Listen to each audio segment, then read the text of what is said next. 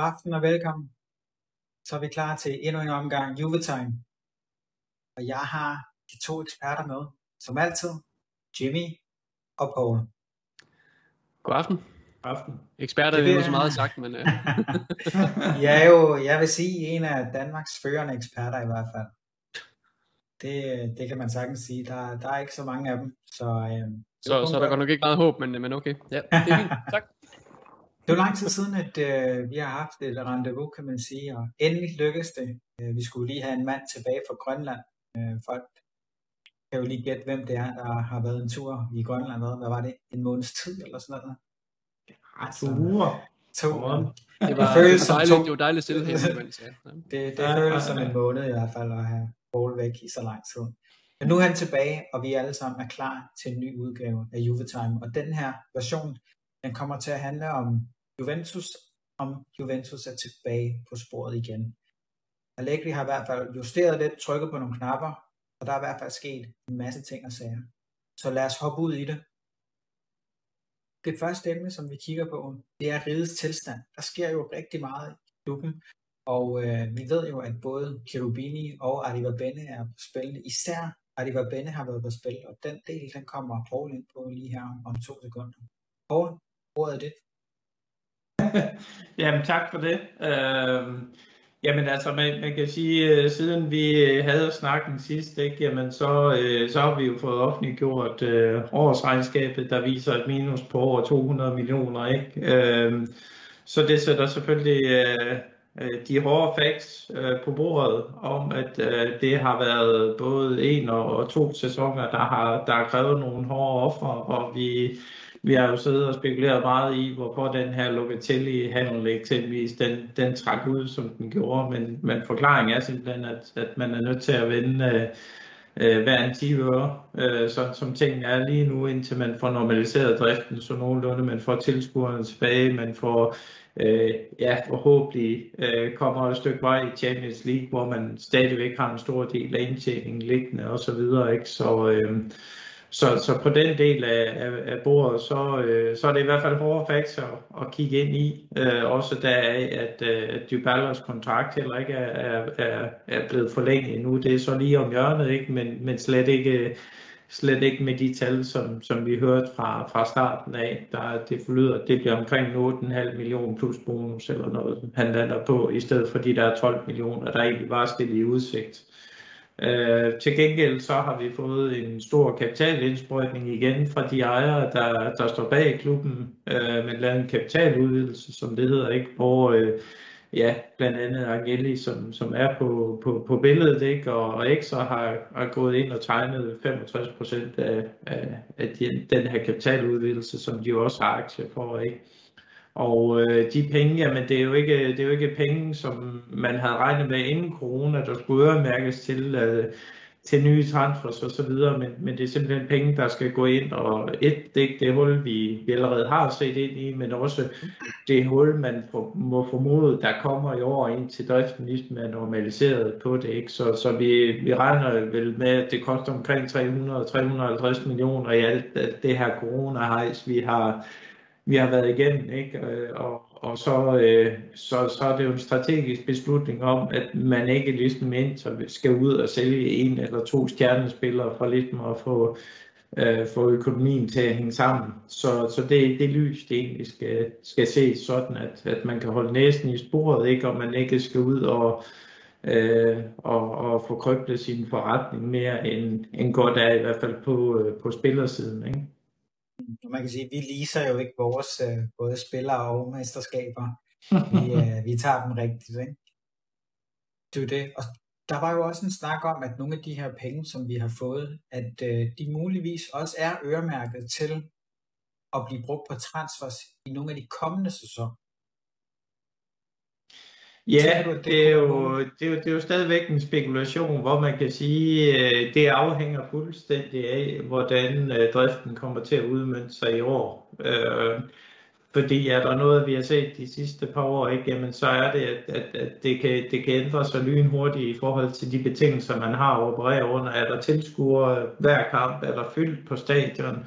Øh, er der gang i merchandise salg og så videre og så videre. Alle de aktiviteter, som Juventus jo laver en hel del penge på. Øh, og så afhænger det stadigvæk dybt af, hvor langt vi, vi ender med at komme i, i Champions League, så det kan jeg svare dig på, når vi kommer tilbage omkring marts-april måned. Ikke? Vi har nogenlunde indikation af, hvor, øh, hvor indtjeningsniveauet ligger. Man skal huske på, at, at stadigvæk omkring 60% af den omsætning, vi har, den kommer rent faktisk igennem de europæiske kampe. Ikke? Så, så det har en kæmpe stor indflydelse på, hvordan de her penge de i sidste ende kommer til at blive brugt. Det tænker også, du har ret i. Lad os øh, hoppe videre til den næste. Det her det er jo et super godt billede, der fortæller lige præcis, hvordan vi får pengene i forhold til trøjen. Ja, om det er kønt, det kan man jo tage en snak om. Der var i hvert fald en del mennesker, der havde holdninger til, hvad, hvad det var, der var blevet klistret på trøjen. Og den nyeste, som vi har fået ind, det er jo den, der hedder BitGet fra Singapore, som er den her kæmpe øh, vekselsplatform for kryptovaluta, Paul, kan du fortælle lidt om øh, den handel, og hvad er det var Benne, skal vi lige huske, det er jo manden fra Ferrari, som er vant til at lave de her aftaler. Hvad er det, han har øh, fået skabt her til Juventus?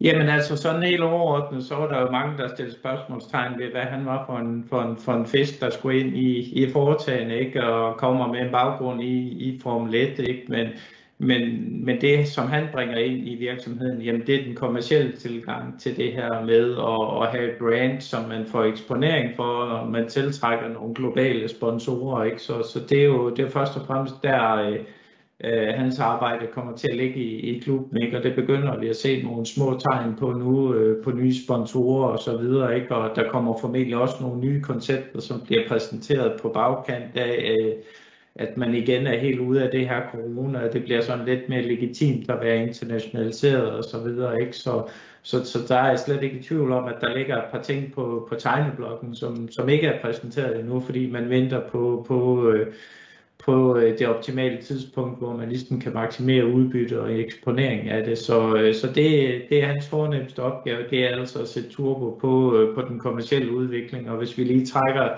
en streg over til den snak, vi lige har haft om, jamen 60% af vores omsætning, det er, det er variabel omsætning, det er resultatorienteret omsætning.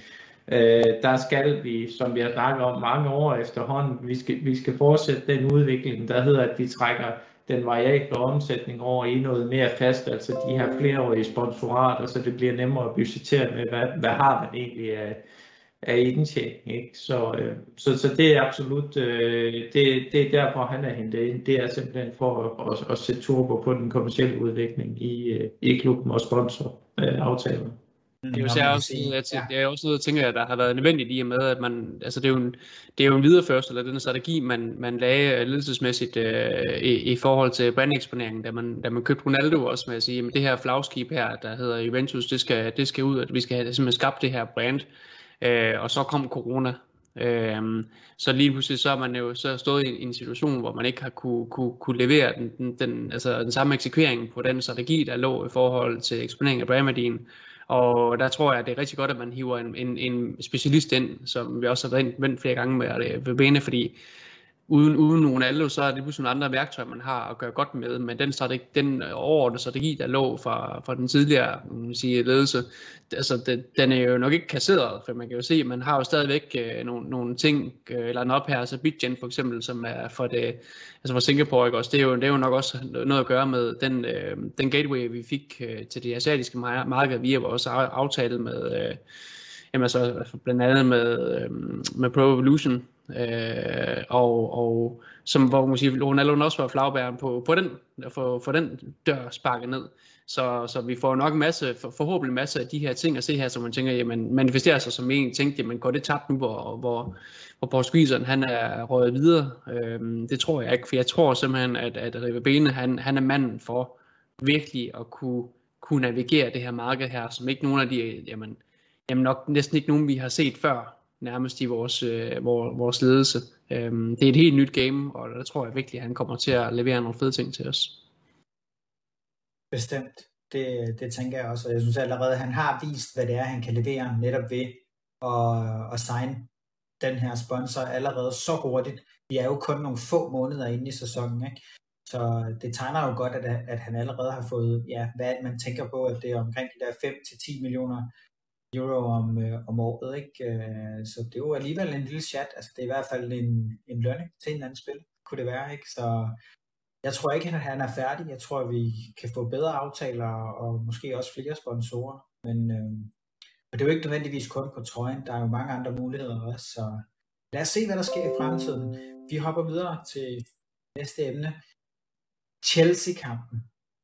Altså, der må jeg nok sige, det er nok en af de bedste kampe, jeg har set fra Juventus' side, når man tænker på forsvaret, kompakthed, grinta, vilje, fight, fighter, instinkt, det hele. Altså, jeg, jeg synes, vi spiller noget nær en perfekt kamp i forhold til organisationen på, på holdet. Jimmy, kan du ikke sætte nogle ord på, hvad det er for en genistreng, Allegri, han øh, formået her? Altså, jo, altså det, noget af det, man jo man kan sige, det er, at allerede nærmest for, fra, fra dag 1 har man, øh, altså i, i for eksempel Udinese-kampen har vi kunne se en anden defensiv struktur og organisation på holdet. At vi så har indkasseret en, en del mål, kan jo så, som vi allerede har vendt tidligere, det kan og, og skal tilskrives en, en, en række af personlige fejl, blandt andet tre direkte målmandsdrop, og det er, så, det er jo fuldstændig usædvanligt. Øhm, og plus en anden, altså en masse andre situationer, som vi, som vi har vendt, jeg ved ikke mange gange. Men strukturen på holdet i forhold til, til den defensive organisation, den, den, den har været til at få øje på. Og så skal man ellers lige love for, at uh, det virkelig var noget, man så manifestere sig imod Chelsea, hvor holdet bare lige præcis stod, som de skulle.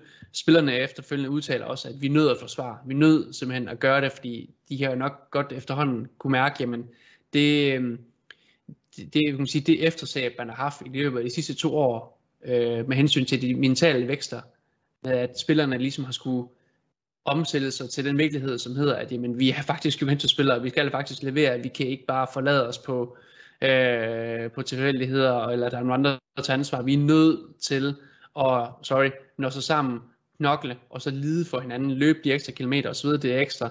Øhm, og der tror jeg, simpelthen, man hverken, hverken Sardi eller Pirlo har været dygtig nok til at, øh, at, at, at holde den, den ånd, i, i truppen. Hvad kan man sige, Pirlo, som er helt grøn træner, Sardi, som, som ikke er kendt for at være verdens bedste i forhold til mandskabspleje og, mental coaching.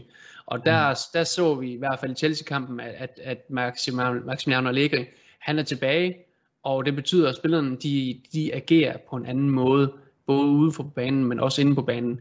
Så, så det her med den her hårde struktur, øh, hvor, hvor spillerne de bare ved lige præcis, hvor de skal stå, altid det er noget, som virkelig øh, giver bonus. Og i forhold til at kontrollere kampen, det er jo det, som Allegri han siger, så kan man være enig eller uenig, men høj possession er ikke nødvendigvis øh, ens betydende med, at du har kontrol over kampen. Mm. Øhm, det handler om at kontrollere de situationer, der bliver sat. Chelsea, de havde måske mere possession, ja, men Juventus, de kontrollerede dem alligevel til, til en sådan grad, at, at det var relativt få meget farlige situationer, der opstod. Lukaku, han havde to muligheder, hvor man nok vil sige, havde han været skarp den dag, jamen så kunne det godt være, at han måske havde kunne klare sig bedre, eller i hvert fald ramme, ramme målrammen øh, inden for i hvert fald en af de situationer. Øh, mm. Men så igen, han har så ikke scoret mod Juventus i åbent spil endnu.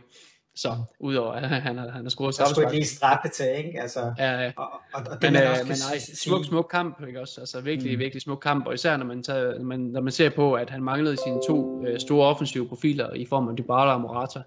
Øh, så, så det, det var smukt. Det var det, og, og det man også kan sige, det er, at uh, Allegri, han har jo fundet gejsten frem i spillerne igen. Altså det er jo lige præcis her, man kan se, det her, det er det Juventus, vi kender. Og hvad tænker du, Paul? Synes du ikke, du kunne fornemme den der grinser, som vi var vant til at se?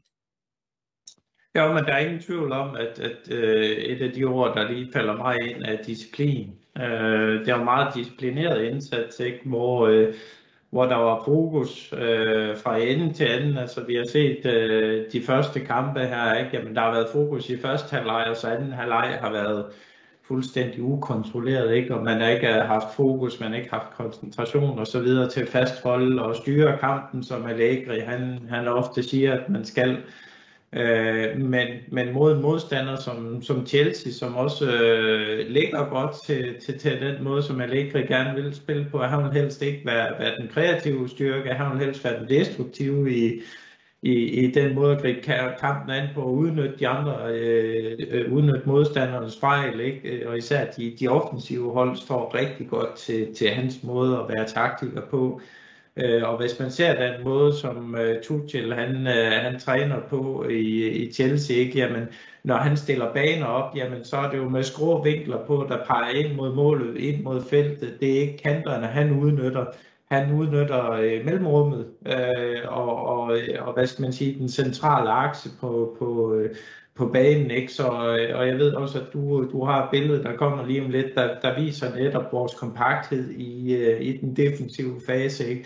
Og der ser man jo tydeligt, at det er noget, Allegri han er nær studeret netop, hvordan øh, hvordan opbygningsspillet fra Chelsea det skal foregå indenom den centrale akse og gerne i mellemrummet mellem forsvar og midtbane. Ikke? Og der, øh, der har vi simpelthen den her øh, struktur og den disciplin, der, der, der gør, at vi hænger ekstremt godt sammen og ekstremt kompakte. Og det, det vil sige, der bliver ikke noget mellemrum rigtigt at spille i. Så, så den gameplan, som Chelsea kom med, jamen, den lykkedes ikke, og de havde ikke rigtig nogen plan B i forhold til det. Øh, og omvendt, jamen, så, så lykkes øh, Allegris plan, ikke? Og, og, og det her med omstilling og så videre, jamen det er jo gået for øh, blandt andet Chiesa, ikke? Som, som er lynhurtig ikke? I, og, og, og, og er rigtig skarp i mand-duellerne. Ikke? Så, øh, så det var godt læst. Rigtig Man kan også sige, lige præcis i den her kamp, de har altså muligheder for at score flere mål. Altså, det er jo ikke bare kun det der perfekte Chiesa-mål, hvor han sparker den ind. Der er også den i første halvleg, hvor Rabiot skal ligge en simpel aflevering.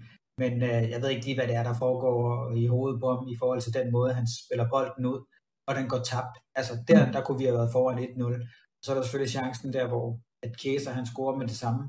Perfekt assist af Benedeski, skal man lige huske at sige. Altså han spiller jo nok øh, en af de bedste kampe siden øh, Atletico Madrid-kampen, vil man sige øh, den der rolle, som han fik i kampen, den betød virkelig meget, og han får jo også en 100% chance. Altså, jeg tænker, at Morata og Dybala, de havde banket den, den der chance, mm. hvor han bare smadrede den ud. Altså, det, han, han mangler lidt kynisme, men det er jo heller ikke det, han er kendt for. Nej, altså han mangler jo generelt noget selvtillid, ikke? Altså den spiller, vi hentede fra Fiorentina i sin tid, ikke? Jamen han havde 120% tillid, ikke? Og det, og det vi ser i dag, øh, den, den, øh, spilleren i dag, ikke? Jamen det er jo det er jo, det er jo en spiller, der, der, ikke, der ikke er stor selvtillid, ikke? så kan, kan man bygge en 3-4 kampe på den her slags i Rabeck, så kan man sagtens se en spiller, der begynder at, og vokse sig ind i nogle af de kvaliteter, egentlig, som, som han blev hentet for. Det, det håber jeg virkelig, at, at, at han kan under, under Allegri, for det er sidste skud i bøsten, det må vi nok være ærlige at sige. Det er, det er meget heldigt, at Mancini han har så stor tiltro til ham, ellers så kunne vi nok have øh, afskrevet ham fuldstændig for længe siden. Det ved jeg godt, mange har. Jeg har også været meget, eller Altså, man, jeg, jeg, jeg tror ikke, jeg håber. Men altså, det er godt, at, at han har succes på landsholdet, kan man sige, så han kan tage det med. Øh, han starter også ind i aften for, for Italien i øvrigt øh, mod Spanien. Det er som om Benedeschi, han lige sådan hænger fast i Juventus, sådan lige med, med, med neglespidserne hænger han simpelthen fast i truppen, og præsterer faktisk, når det er, at der lige er behov for, øh, for det. Og så er det som om, at så glemmer han, hvordan han har præsteret. Men til gengæld så spiller han jo ret godt for øh, Italien, når det er, han, han spiller. Så der er jo mange, der tit siger, kan vi ikke få øh, Italiens Bernadeschi tilbage, i stedet for ham for Juve, når det er. Så ligesom med Grosso. ja, ja, det er det, det, det. Så, så der er jo mange, man kan rose fra, fra den kamp. Så nu går vi lige tilbage til, eller hen til det billede, som Paul han snakkede om lige før, uh, Allegri, han har sat holdet op på en bestemt måde, og jeg ved godt, det her det er et øjebliksbillede, men det her, det så vi altså flere gange i kampen. Så Paul, du må gerne uh, beskrive det yderligere. Jamen altså, øh, igen, som, som, som jeg sagde lige før, ikke? Jamen, den her kompakthed, øh, som man er legnet op med, som du ser, vi ikke vi er jo ikke særlig brede i vores opstilling, øh, og det er jo klart fordi, at, øh, at Lægre har læst, jamen det her opbygningsspil, som Chelsea vil, jamen det går typisk igennem mellemrummet, hvor man så bliver retvendt, ikke, og kommer ned og truer sådan øh, rimelig hurtigt og rimelig centralt for. Øh, så, så der er slet ingen tvivl om, at det er meget bevidst, at, at man trækker kanterne ind og egentlig bliver ekstremt øh, kompakte der.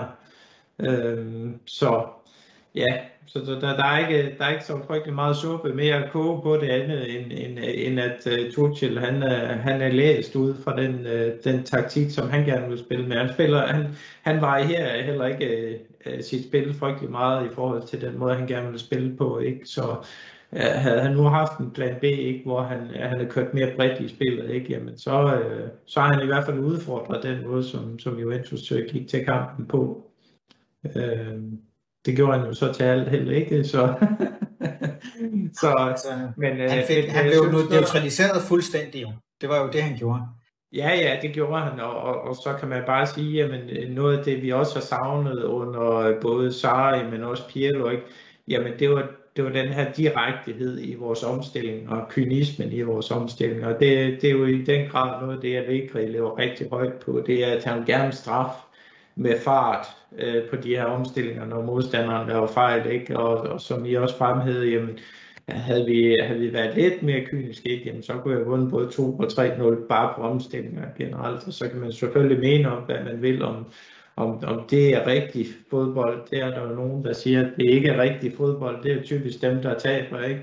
Øh, men altså for os, der, der, der er store fans af, af, af det taktiske spil og den solide defensiv, ikke? Som, som man jo især er, når man er fans af italiensk fodbold, ikke? Jamen så, så er det jo bare en fornøjelse at se en taktiker, som, øh, som er lækker udfolde sig på, på, på den der måde. Så, så de store de store hold, der vil være meget brødbesiddelse og være offensivt præget og, og gerne spille i mellemrummet, ikke? Jamen, de ligger ekstremt godt til os. Ja, og man kan sige, han gik jo tilbage til the roots, kan man sige, ikke? og spille Cardinaccio, som betyder den der italienske kæde, som man har bagved, ikke? Altså, og, og så kan det godt være, fordi jeg har en øh, bekendt, som er kæmpe Chelsea-fan, og ham skrev jeg selvfølgelig med under kampen, og han siger, jamen, vi dominerede jo kampen fuldstændig, så siger jeg, ah, det ved jeg faktisk ikke, bare fordi man har en bold, der spiller frem og tilbage, så er det ikke ens betydende med, at man har domineret kampen, fordi det kan godt være, at possession, den siger 70-75 procent, men hvis man reelt set ikke skaber nogen chancer, så, ah, så synes jeg ikke, man dominerer en kamp. Altså man har de der to få chancer, som Paul også nævnte før, og altså, der skulle meget til, før at man skulle score mod Juventus den der kamp, og jeg var også rimelig sikker på, okay, når vi spiller sådan her, så kan der simpelthen ikke scores imod os. Det er helt tilbage til BBC-kæden dengang. Det, det var de flashes, jeg fik. Og så ser man ham her, den unge hollænder, Matthijs de Ligt, som egentlig har været lidt på sidelinjen. Altså jeg tror, at øh, Allegri han er i gang med at akklimatisere ham i den gamle form. Altså det er jo første gang, han træner Delict. Og det er derfor, at han blandt andet har siddet ude, så han forstår det her koncept, og han har jo spillet to af de bedste kampe øh, i Juventus, både mod Torino og Chelsea. Og Jimmy, du det, ligner det, gerne et monster rundt det lige, han bliver et monster under Allegri. Altså, du finder ikke nogen bedre lærermester i forhold til den, til den defensive øh, skoling, og han så samtidig har Chiellini og Bonucci til at støtte sig op af. Det er godt, at de lige han ikke skal spille alle kampe. Han har brug for, netop som du siger, den, den øh, klimatisering, at han virkelig lærer at forstå, hvad betyder, hvad betyder det at spille på den måde her, hvad betyder det rigtigt at forsvare, rigtig italiensk. Så, så, så nej, det, det er godt, at vi har tre så hammerne dygtige centerbacks, og Bonucci og Chiellini kan jo ikke spille alle kampe, særligt Chiellini. Så, så nej, det, det bliver voldsomt med. Jeg tror virkelig, at Elite han kommer til at tage store kvantespring fremad i år. I forhold, altså, han er jo god i forvejen, så ja. det er fantastisk. Enig. Jeg tror, vi kommer til at se den bedste version, ikke? fordi det her det er jo så alt hans tredje sæson i Juventus. Og hvis man virkelig lægger mærke til det, jeg kan for eksempel huske Udinese-kampen, det var en af de detaljer, vi kiggede på under den recap, vi havde her for et stykke tid siden, hvor det første mål, som øh, Udinese scorer, der var de ligt faktisk øh, skurken først, vil jeg sige. Hvor han simpelthen er for aggressiv, og det har vi set rigtig mange gange. Og det er lige præcis en af de ting, som Allegri har arbejdet rigtig meget med, og det er også noget af det, han siger øh, offentligt til pressemøderne, at det der med, at han arbejder med, hvornår er det, du skal være aggressiv, hvornår er det, du skal presse, fordi lige pludselig, så satser du, og så bliver det sådan en alt eller intet, og det skal helst ikke være sådan en demiral situation, hvor man flækker manden og laver straffespark eller et eller andet. Ikke? Og så kan man så se her, hvordan de ligt allerede på få kampe har udviklet sig til at faktisk tage det med ro og tage bedre beslutninger. Det synes jeg er helt tydeligt øh, skinner igennem. Ja, der skal lidt mere Basali ind over, kan man sige, i forhold til den, den, øhm, Ja, hvad man siger, den, den tilgang, den mentale tilgang, han har til sit, øh, til sit game, altså mere, mere ro, mere, mere afventende og sætte ind på det helt rigtige tidspunkt, fordi han har jo, altså han, han, han har jo netop øh, fysikken til at kunne stå og være bred og være svær at komme udenom, så han har altså ikke behov for, at han skal være så sat til sit spil. Det er noget, jeg tror, der er rigtig godt, at man får det pillet lidt ud af ham. Øh, så, så nej, det, det bliver meget spændende at se, hvordan han, han udvikler sig, og man, man kan allerede se det i de første kampe her, at der, der, der sker noget. Der sker noget med ham. Og inden vi går videre fra Chelsea-kampen, så vil jeg også gerne lige fremhæve Bonucci, altså som spiller noget nær en perfekt kamp. Og, og, det man kan sige, det er, for det første så laver han det der pre-assist, som han har set ham gøre så mange gange, hvor at det ligesom er ham, der starter spillet helt bagfra, sparker den op, og man kan se det totalt indøvet at der er så en Rabiot, der løber hen mod bolden, og Alexandro, der står klar til at tage anden bolden. Men i stedet for, så hælder han den hen til Bernadeschi, så ser Chiesa komme løbende. Bum, så står det 1-0 til Juventus. Og der var Bonucci perfekt i sin aflevering. Og det man så også kan kigge på, det er, hvordan han markerede Lukaku. Det var så fedt at se, fordi det var jo ikke en 100% manmarking, men han havde lige den der armslængde hver eneste gang, bare lige for at markere, prøv her, jeg ved, hvor du er, det var som om, at det slet ikke gav plads til det der store bæst, som er vant til at bare kunne smadre sig igennem det hele. Altså, han blev pocketed, som man kalder det på engelsk, af. Bonucci. Ja, men der var faktisk, øh, nu sad jeg og så den øh, på, på, på stream på BT Sport faktisk, og de havde øh, hvad hedder han, Rio Ferdinand ind som, som kommentator, hvor meget ekspert han er, det, det kan man jo så altid uh, stille spørgsmålstegn ved, men, men han var god forsvarsspiller i, var, i, ja. i sin tid, ikke?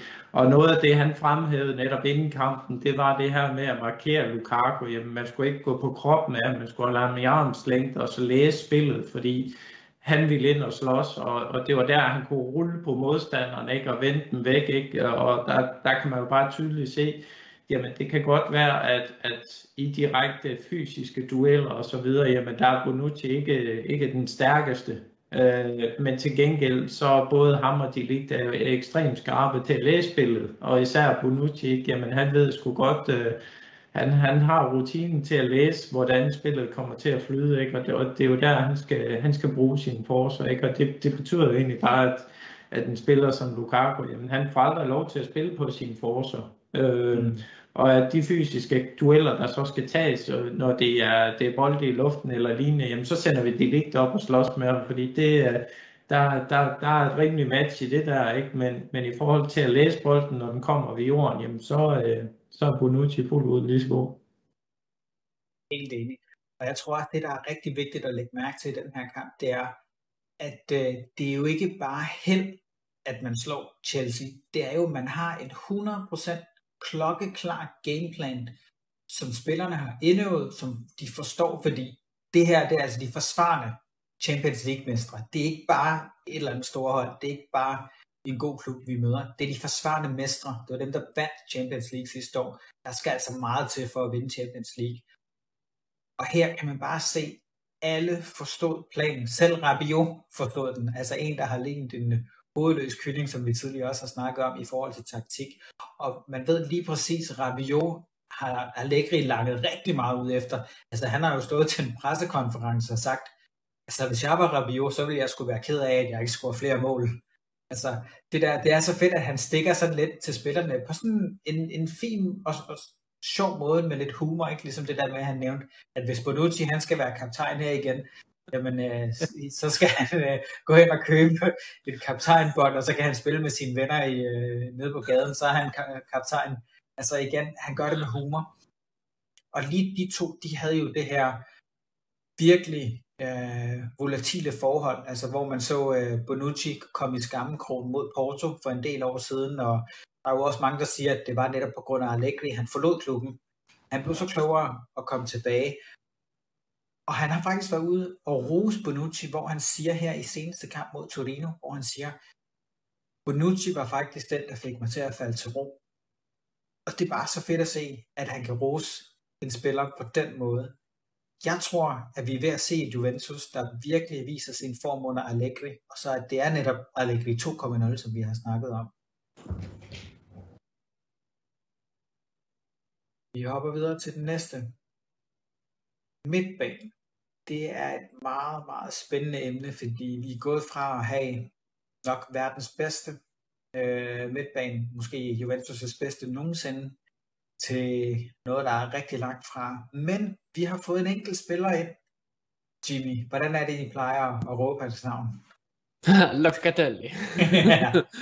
øh, men han, er, han er da fantastisk. Øh, jeg, jeg, jeg vil jo altså være, gerne være den første til at krybe til korset øh, og, og, og, og, og indrømme, at, at da, da han blev sat i forbindelse med os, så tænkte jeg, fedt, han er en bedst god spiller, men er han den, der kan gå ind og fikse vores midt, midtbane? Øhm, jeg havde nok tænkt, at vi skulle have en lidt mere øh, hvad det, specialist-type, en mere kreativ type ind, der ville være, kunne være bedre til at, at, at virkelig øh, forme spillet, kan man sige. Øhm, men det var, det, det var nok også lidt på forbehold for, at jeg var af den overbevisning, at Dybala var på vej ud. Øhm, Dybala synes jeg, ser jeg godt som værende en, en, en, en mand, der kan løfte playmaker-rollen på vores hold. Øh, Øh, men hvor alting er, så, så, øh, så endte vi med at få Locatelli. Øh, og jeg tror, der kommer til at gå lidt tid endnu, inden vi får det allerbedste at se fra ham. Og alligevel har han gjort det sindssygt, sindssygt godt. Han er en spiller, der skal omsætte sig til at spille i en stor klub. Det har Alek også, øh, faktisk også været ude og kommentere på, at, at, at det er et spring. Og, og, og vi har jo selv set med, med så mange spillere, at på trods for, hvor godt de har præsteret i deres tidligere klubber, øh, og har leveret på kontinuerlig høj plan, lige så snart de så kommer til det ekstra trin op, øh, så, så er det som om, at filmen det knækker. Og der må man bare sige, at Locatelli, han er, han er trådt ind i den her midtbane her, lige så snart han, han var dem klar øh, at ligge, rent fysisk. Og så har han ed og bank med bare taget ansvar. Det er meget muligt, at det ikke er alle hans aktioner, der altid lykkes, men han prøver, og han tør gøre tingene. Øhm, og han, jeg synes virkelig, at han løser opgaven godt. Han fylder ret fint defensivt i form af, at han har jo faktisk en ganske udmærket fysik, italieneren. Og samtidig så er han en spiller, der kan formå at, øh, at øh, tilføje noget kvalitet i de vertikale afleveringer. Noget, som man må sige, en spiller som Bentancur, som jeg personligt er rigtig glad for, han mangler det, altså, og måske ikke bidrager så meget med. Øhm, vi, har, øh, vi har været inde på det tidligere, at øhm, at Locatelli tror vi jo, så har vi, har vi, har vi snakket om tidligere, at han kunne godt gå hen og blive rigtig, rigtig god, når Arthur han bliver fedt. Fordi det vi ser Locatelli gøre meget nu her, det er, at, at han, kommer, han, han dropper ned, når han er på banen, og så, så leger han register. Nogle gange gør Bentancur det samme, så kan det være, at de skifter lidt til det. Men pointen er lidt, at de to så længe Arthur ikke er klar, så vil en af de to altid være nede foran forsvaret i den ene eller anden, på den eller anden tidspunkt, og forsøge at, at, at, at skabe spil ned bagfra. Og det kan Locatelli godt gøre. Men hvis vi nu får en Arthur klar, der kan ligge nede foran forsvaret og agere spilstyrende øh, register, og sørge for, at, at, at bolden den ikke bare flyder rundt, så tror jeg, at vi vil kunne se nogle flere aktioner fra Locatelli, som vi så imod Torino, hvor han, ja, som vi faktisk også så under EM, hvor han laver to mål i en kamp, hvor han rent faktisk har friheden til at bevæge sig lidt mere rundt, som den her øh, Mazzala, øh, med, med lidt mere løse tøjler, der egentlig kan få lov til at støbe kuglen lidt mere offensivt, for det ved ikke virker til, at det har han faktisk både teknikken og overblikken til. Han kommer nok aldrig til at være en helt stykke playmaker, men det er måske heller ikke det, vi har brug for. Se på, på Italiens midtbane, Jorginho, øh, Verratti og Barella. Der er ikke nogen af de tre, der er playmakers, men de er så boldsikre alle tre, at, øh, at spillet det flyder alligevel så fint rundt. Jeg tænker, at, at Locatelli, han kunne godt gå hen og være en af de rigtig, rigtig gode handlere, nogen klub har lavet her i det her transfervindue. Ja, det tror jeg heller ikke, man er i tvivl om. Også fordi han har slået til så hurtigt. Altså, det her, det er jo instant impact, kan man sige. Det er ikke noget med, at han skal akklimatiseres i alt for lang tid, og det er ikke noget med, at man allerede begynder at sætte spørgsmålstegn, kan han nu levere? Og, altså, han er bare gået direkte ind i startelveren og begyndt at præstere og score mål. Altså, han har jo for første gang nogensinde scoret i to Serie A-kampe i træk. Og det er altså ret vitale mål, han har scoret. Det er ikke bare et mål til 4-0 eller 5-1 eller et eller andet. Det her, det var et matchvindende mål. Han var jo, altså, han viser, han kan score mål. Han viser, han kan lave assist. Og det, jeg elsker Locatelli for, det er det overblik, han har. Fordi mange gange, så kan han modtage bolden med ryggen, og så afleverer han med det samme. Han ved bare, hvor bolden skal hen. Altså, han er dårligt nok været i klubben, han kender den allerede, men øh, det hører nok også til, når det er, at man har sort-hvid blod. Altså, som vi nok også har snakket om før, og som nogen ved, hele familien er jo Juventus-fans. Altså, de er jo virkelig, altså, blødende Juventus-fans, hvis man kan sige det sådan. Så de er jo super stolte over, at øh, deres søn nu er kommet ind i den klub, som de elsker. Og jeg tror, det gør alt forskel. Det er smukt, bliver, ja. Ja, han bliver en kæmpe stjerne for os. Det, det kan man allerede se.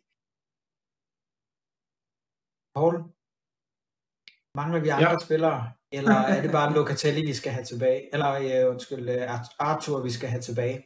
Han er jo klar. Nej, jeg, jeg, jeg, jeg sad med en tanke om, jeg synes jo altid, det er spændende øh, øh, i forhold til det her med, at, at de spillere, vi jo har nu, øh, hvis man tager Locatelli ud af, af ligningen, ikke, så har Arthur ikke været med endnu, men de andre har, har vi jo sagt nogle gange nu, er, er bare sådan lever på steg. Ikke? De er sådan mellemvarer, der kan lidt foran forsvaret og lidt øh, boks til boks, men, men der er ikke noget af det, de excellerer i. Altså Arthur og Locatelli er begge to boldspecialister i at flytte bolden rundt. Øh, de er begge to specialister i visioner for at skabe spillet. Og øh, og hvis man tager en par dange over til Italiens midtbane, ikke, jamen, så har de jo også i dag, øh, og, og, under Euro, Verratti, Jorginho og Barella, ikke, som også er boldspillende midtbaner, der skaber øh, bindeledet imellem. Så, så man kan sige, jamen er det to eller tre af den slags, vi, vi, vi kører med, ikke, jamen, så bliver det lige pludselig meget spændende. Øh, og så... Øh, ja, så kan man altid have en snak om, øh, og det er jo op til at lægge og sige, hvilke typer er det så, man, man agerer med, ikke? fordi så kunne man sagtens forestille sig, at man bruger en af dem, Locatelli eller Arthur, flankeret af to rigtig dygtige box-box-spillere som Vidal eller Pogba, den type spillere der, som kan, øh, øh, kan dominere øh, hele det område, der er felt til felt øh, og så egentlig bare lade, lade en Locatelli eller en Arthur styre øh, spillet på, på den måde, som Eugenio også gør for, for, for Chelsea eksempelvis, eller Kroos gør det for Real Madrid, eller Xavi Iniesta har gjort det for Barcelona. Ikke? Det er også muligheder, og, øh, så, så hele øvelsen bliver jo at finde frem til, øh, hvordan man laver det der homogene hold, øh, hvor vi har nogle specialister på hver sit område, der supplerer hinanden i stedet for bare at have at den samme type spillere. Øh, og så skal vi så skal vi have flyttet niveauet, vi skal have flyttet baren op øh, til et væsentligt højere niveau for de spillere, vi egentlig signer, i stedet for en Rabiot, en Bentancur og en, øh, en, en Ramsey, jeg selv en, en Bernadeschi. Ikke? Jamen, der, der, er simpelthen for meget middelmodige spillere over det til at og for alvor kan sætte baren højt for et hold som, som Juventus, der jo dominerer både i, i, i Serie A, men også har en ambition om at være mellem de 10 bedste i Europa. Altså, så, så, så dur det ikke, at, at man går ud og tager de handler, der er til rådighed. Så er man simpelthen nødt til at have en strategi om, at man går ud og henter de spillere, man har brug for, til at spille den slags fodbold, man, man gerne vil spille. Ikke? Og, og, og det har jo været lidt uh, problematikken de sidste 10 år, mere eller mindre, uanset hvad man mener om, om Marotta og Paratici. Ikke? De har jo været meget drevet af, hvilke handler man, man ligesom kunne støve op, øh, mere end at nu sætter vi en spilstrategi, og så køber vi spillere ind til, til den måde at spille på. Og de sidste tre år, ikke, jamen, vi havde Allegri, så havde vi Sarri, så havde vi Pirlo, og nu har vi Allegri igen. Så det har været umuligt i fire år at købe ind til en, til en, til en spilstrategi, og det var også det, der fejlede under sig. Det var, at man hentede en træner med en filosofi om at spille på en bestemt måde, men man, man hentede ikke de spillere, der skulle til for at spille den slags fodbold. Ikke? Øh, og nu er man så tilbage ved Allegri, som, som godt nok er, er pragmatismens mester, ikke? Men, men ikke desto mindre, så har han også brug for en bestemt type spillere til at excellere i, i, i den måde, han gerne vil spille på, selvom han kan få meget ud af, af den nuværende trup. Ikke? Så, så jeg er lidt spændt på at se, hvad der egentlig sker øh, næste sommer også øh, i forhold til ham. Og der er ingen tvivl om, at, at Locatelli, hvis det var nogen tegn på, noget tegn på, hvad man vil, ikke, jamen, så er der ingen tvivl om, at, at, at han var et målrettet køb, som blev hentet ind til et behov, man havde på holdet. Det var ikke en, en, en mulighed, der bare lige opstod i markedet, fordi der var mange klubber, der ville have ham, men han valgte Juventus, og Juventus gik meget specifikt efter ham, fordi man anerkendte, men Arthur var selvfølgelig skadet, men, men op, øh, optimalt set, så er han heller ikke en spiller, der både kan i, i opbygningsspillet og afslutningsspillet, ligesom Locatelli kan. Så, så der havde man et behov, der gik man ud og hentede den spiller, man gerne ville have der til. Så det, det vil jeg rigtig gerne se noget mere af. Så, så er vi på rette spor. Ja, altså man kan sige, det er en handel, der har været under opsejling i et år. Altså sidste år, der prøvede man jo allerede at få fat i Locatelli, men øh, der sagde Carnevali over for Sassuolo, not gonna happen, det bliver ikke i år. Lad os snakke sammen igen til næste år. Og så er det det der med, at man hele tiden har haft den her dialog med spilleren, altså en strategi, hvor man simpelthen har fået overtalt spilleren til, eller jeg ved ikke, hvor meget overtagelse der skulle til her, men spilleren han vil Juventus. Altså Arsenal var klar, og der er sikkert også mange andre klubber, der har været klar. Han vil et sted, det var Juventus, og han er kommet her.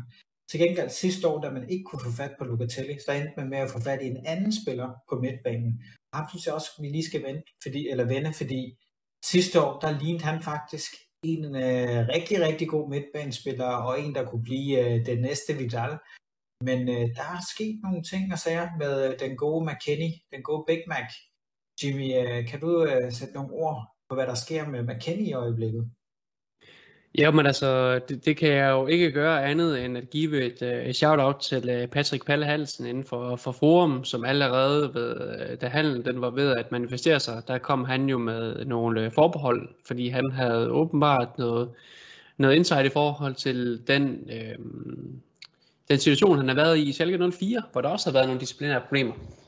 Og, øhm, og hvor han sagde, at der er, der er muligvis der på røde flag ved ham her og det fik han jo desværre ret i, den gode, øh, den gode Patrick. Og øh, noget af det, som, som der kan, kan være lidt øh, års, eller genstanden til undren, det er, at, at, at McKinney, han virker jo et eller andet sted som, som, som en, en mega god dreng. Altså, han er sådan, han er sådan lidt en, en, en, en geeky, sjov type, altså Harry Potter-fan, og, og, og øh, ja, det er jeg også selv, jeg er også nørdet anyway, men, øh, men, men hvor man alting er, sådan, han, så er det en, man, man tænker ikke, at han er ikke en ballademager som sådan, men han, han, det virker bare alligevel til, at der er nogle valg, han træffer, man bare tænker, at det er fandme dumt, det der marker, når du er professionel topatlet, eller skulle forestille at være det.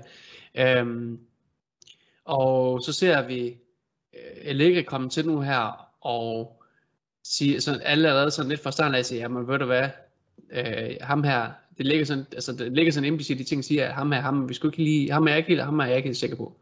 Øh, han, han bruger ham også lidt på en sjov måde, han spiller ham, øh, han spiller, han laver en omvendt han Arnes, hvor, hvor, hvor, som han Arnes dengang, hvor han sagde, det her det er nok ikke spiller, han rigtig gad at have, selvom man, man måske synes, han kunne passe meget godt ind. Jamen fint, så smider jeg sgu ham bare ned foran forsvar, selvom han skal ligge op bag angrebet.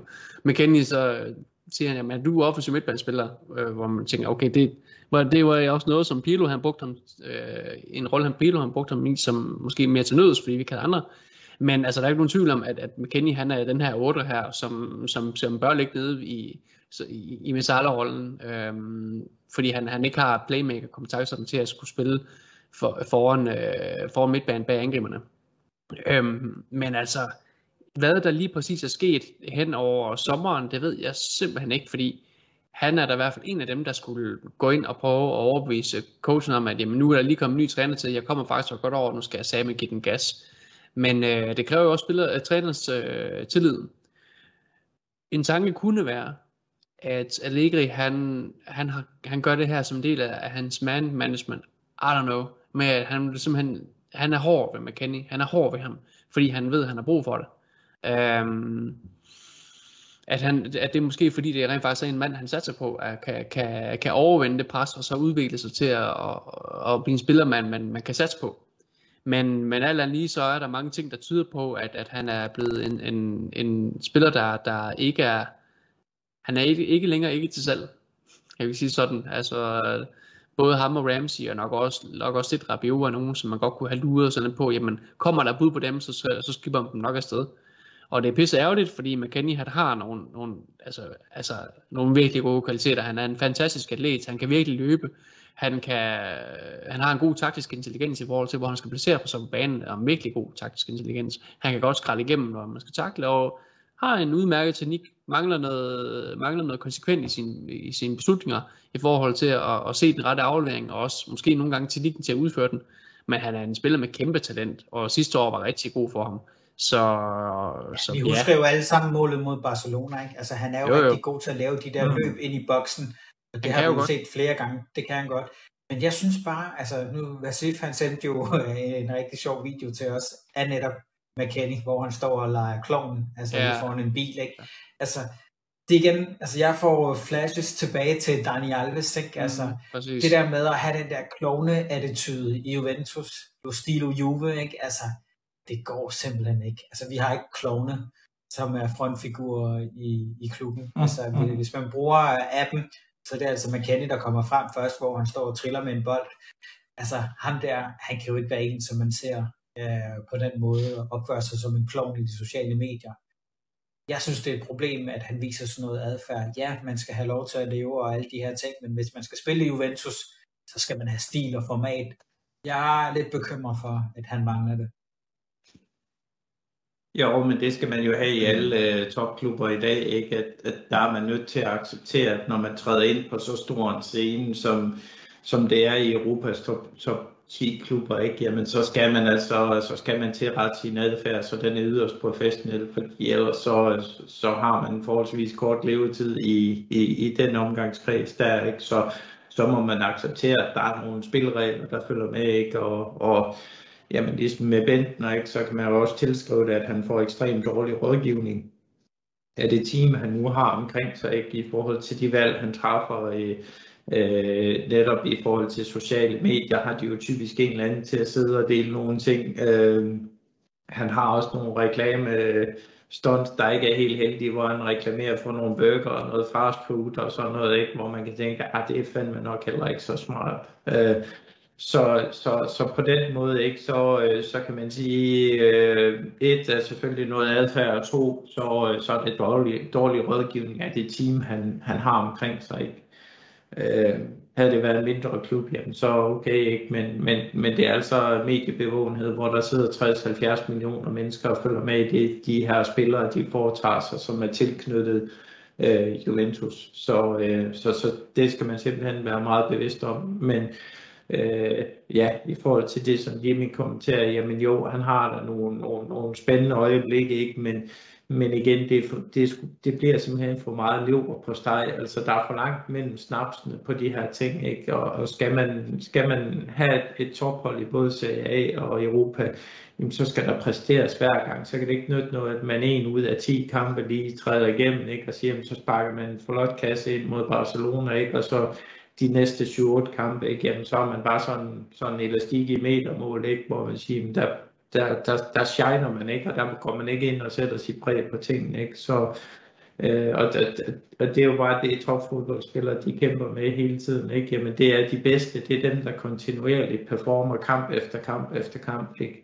hvor, øh, hvor dem, der ikke når toppen, jamen det er dem, der måske shiner en gang imellem og siger, jamen, så får de lige noget spotlight der, og så de næste 10 kampe, ikke? Jamen, så, er de, så er de faktisk forholdsvis anonym. Ikke? Så, øh, og, og ja, jeg forstår heller ikke, at, øh, at i forhold til, at der er kommet en ny træner ind og så videre, at han ikke har lagt sig lidt mere i selen, men, men jeg tror også, øh, det er en svær identitet, som man måske har, ikke? hvor øh, han kommer fra Schalke og er defensiv midt, der bliver primært brugt som balancespiller, erobringsspiller, ikke? og så kommer han til Juventus og bliver brugt der to kampe, ikke? så bliver han konverteret til at spille 8 i stedet for, ikke? Og, og så sådan lidt frem og tilbage, ikke? Så, så, så der er hverken Piero eller, eller Allegri er overbevist helt om, hvor fanden han egentlig hører, hører hjemme henne. Og det, det er jo det her, jeg i hvert fald lige fremhævet for lidt siden, med at man, man er nødt til at have spillere, der har spidskompetencer på nogle områder, som man så sætter sammen og siger, det, det er de her 11, der udgør øh, det homogene hold, vi, vi så har. Det kan ikke nytte noget, at man har 11 spillere, der lever på streg til lidt af det hele, ikke? fordi så, så, så kommer man sgu aldrig til at vinde noget. Det er også ja. lidt sjovt i forhold til det med, at man, man, man kræver, at spillerne skal præstere det bedste. Man så jo allerede under Contilasse-kampen, hvor han scorede mål, hvor Allega han bare råber tørt ud på sidelinjen. Ja, det var flot. Uh, man kan nu forvente, at du scorer mindst uh, 10 mål i den kommende sæson her. altså, at, og han siger det samme om, om Rabiot, uh, som vi også nævnte tidligere, anekdoten med, at han, han er fremme og sige i medierne, at jamen, han forstår ikke, at han ikke scorer færre mål. Det er det med at levere kontinuerligt, og det, det er jo klart, det har hverken Rabiot eller McKennie gjort.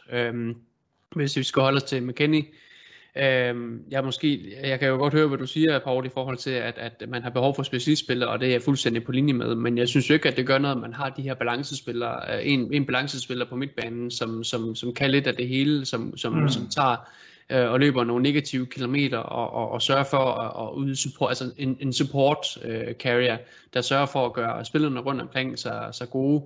Øh, Men gør han tror, det? Hvad siger du? Gør han det?